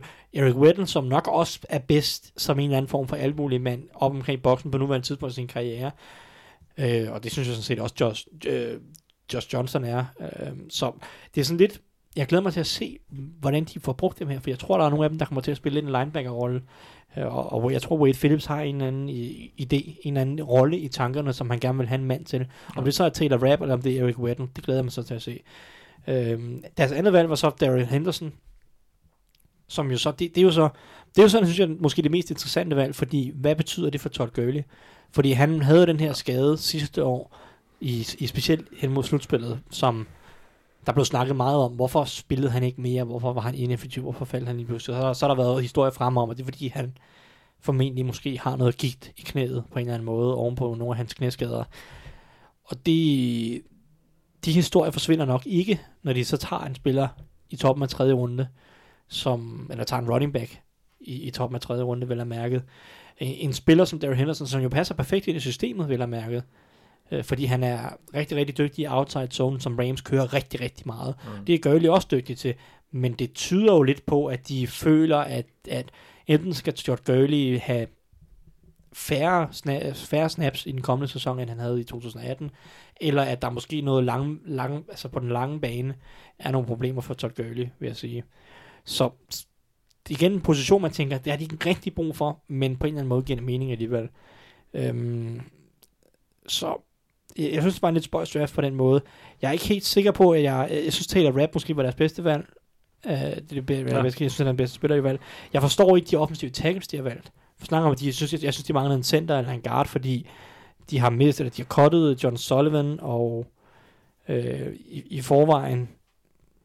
Skal Roger på- Saffold rykker Ja. Roger, Roger Saffold var mm. det, der Mm. røg til Titans. Så jeg synes, de er lidt tyndt besat på guard center. Uh, men det ser ud som om, at, at uh, Joe Noteboom, Joseph Noteboom, han skal spille den ene guard, og så må de finde ud af, hvad de kan gøre på center. Uh, jeg troede, at det var en position, de godt kunne adressere. Men de, i stedet for vælger de to tackles, uh, hvilket nok... De mangler også tackles på lang sigt, fordi Andrew Whitworth, han spiller nok til sidste sæson Ja. for Rams. Jeg er så bare ikke en stor fan af de tackles, de har valgt. Det er nok de to valg, jeg mindst kan lide ved Rams draft overhovedet. Bobby Evans i tredje runde, og David Edwards i femte runde. Jeg synes, at, at begge er alt for stive i det, i deres bevægelser. Øhm, David Edwards, han er i en ekstrem grad det, man kalder en, en waistbender. Som han bøjer i hoften frem for at bøje i knæene, hvis man skal så at sige. Øh, En, en god offensiv linjemand arbejder godt ned i knæene. Altså det vil sige, at han, han bøjer ned, lidt i knæene, så han kommer ned og har en rimelig lav tyngdepunkt og en god base at arbejde ud fra. Mm. Øh, hvis du står med lidt for strakte ben, og i stedet for bøjer i hoften for at komme frem og lave dine blokeringer, så tager du blokeringerne og falder af blokeringerne og kan ikke, øh, holde, altså, kan ikke vedholde eller fastholde blokeringerne. Og det synes jeg i høj grad, David Edwards han kan øh, gøre. Og jeg er ikke sikker på, at det er noget, man kan sådan lige fikse. Nej. Øh, og Bobby Evans synes jeg, Bobby Evans synes jeg er et mærkeligt fedt, fordi de kører så meget outside zone, som de gør, så det, man skal gerne have folk, der kan bevæge sig en lille smule. Jeg synes, Bobby Evans er en rigtig dårlig atlet, øh, som jeg virkelig synes, altså, dog, arbejder dårligt sideværs, som jeg synes, man skal i outside zone. Så jeg, jeg, jeg forstår ikke de to valg af de offensive tackles, og jeg, jeg er ikke sikker på, at der er nogen af dem, der kommer til at kunne afløse Andrew Whitworth. Så det er nok, det er nok de to valg, jeg mindst kan lide, og så Ja. Taylor Rapp er, er det valg, jeg bedst kan lide. Og så er jeg lidt overrasket over, at de, de slet ikke adresserer pass rusher, linebacker overhovedet, ja. eller center for eksempel. Yes. Jeg synes, at det var positioner, der burde have været kigget på i en eller anden grad. Pass rushing linebacker eller pass rusher og linebacker. Pass rusher og linebacker. De, de tog da en, en, en, en uh, celebrity i syvende runde med Dakota Allen. Øh, ja, det, ja, er det en af dem der fra Last Ch- Ja. Chance You, eller Yes. hvad det hedder? Dem har jeg, jeg har ikke set den serie. Men uanset hvad, så synes jeg, at de, øh, de er tynde på den inside linebacker. Jeg ved ikke, om Clay Matthews han virkelig er tiltænkt til at være øh, starter på på inside linebacker, eller hvad han er. Men jeg, jeg synes godt, der kunne have været tilføjet noget mere. Ja. Jamen, øh, hermed har vi gennemgået alle 32 hold i øh, årets draft. Og øh, jamen, vi har øh, planer om at, at vende tilbage igen næste uge. Det kan være, at vi lige øh, beder jer om nogle lytterspørgsmål, som vi eventuelt kunne svare på, eller et eller andet. Ellers kan vi nok finde noget andet spændende at snakke om. Øh, inden sådan, ja, nu fik jeg sagt, det er jo indledningen, men øh, NFL går jo snart på, på sommerferie, og øh, det gør vi så også. Men øh, vi vil jo gerne snakke videre, og det kan være, at vi kommer til. Jeg kan lige minde jer om igen, at I kan støtte os på tier.dk 10er.dk staves det, og øh, med et valgfrit beløb kan man simpelthen gøre det, og så kan vi fortsætte med at gøre det. Det er jo ikke no- øh, vores levevej det her, men det er noget, vi rigtig godt kan lide at gøre, og også håber på at kunne fortsætte med, så gå ind der og gør det. Hvis I ikke allerede gør det i forvejen, så kan I også øh, følge os på Twitter eller Facebook. Og så er der ikke så meget andet at sige, end at du i denne omgang har lyttet til mig. Jeg hedder Mathias Sørensen, med mig har haft Thijs Joranger og Anders Kaltoft. Vi lyttes ved.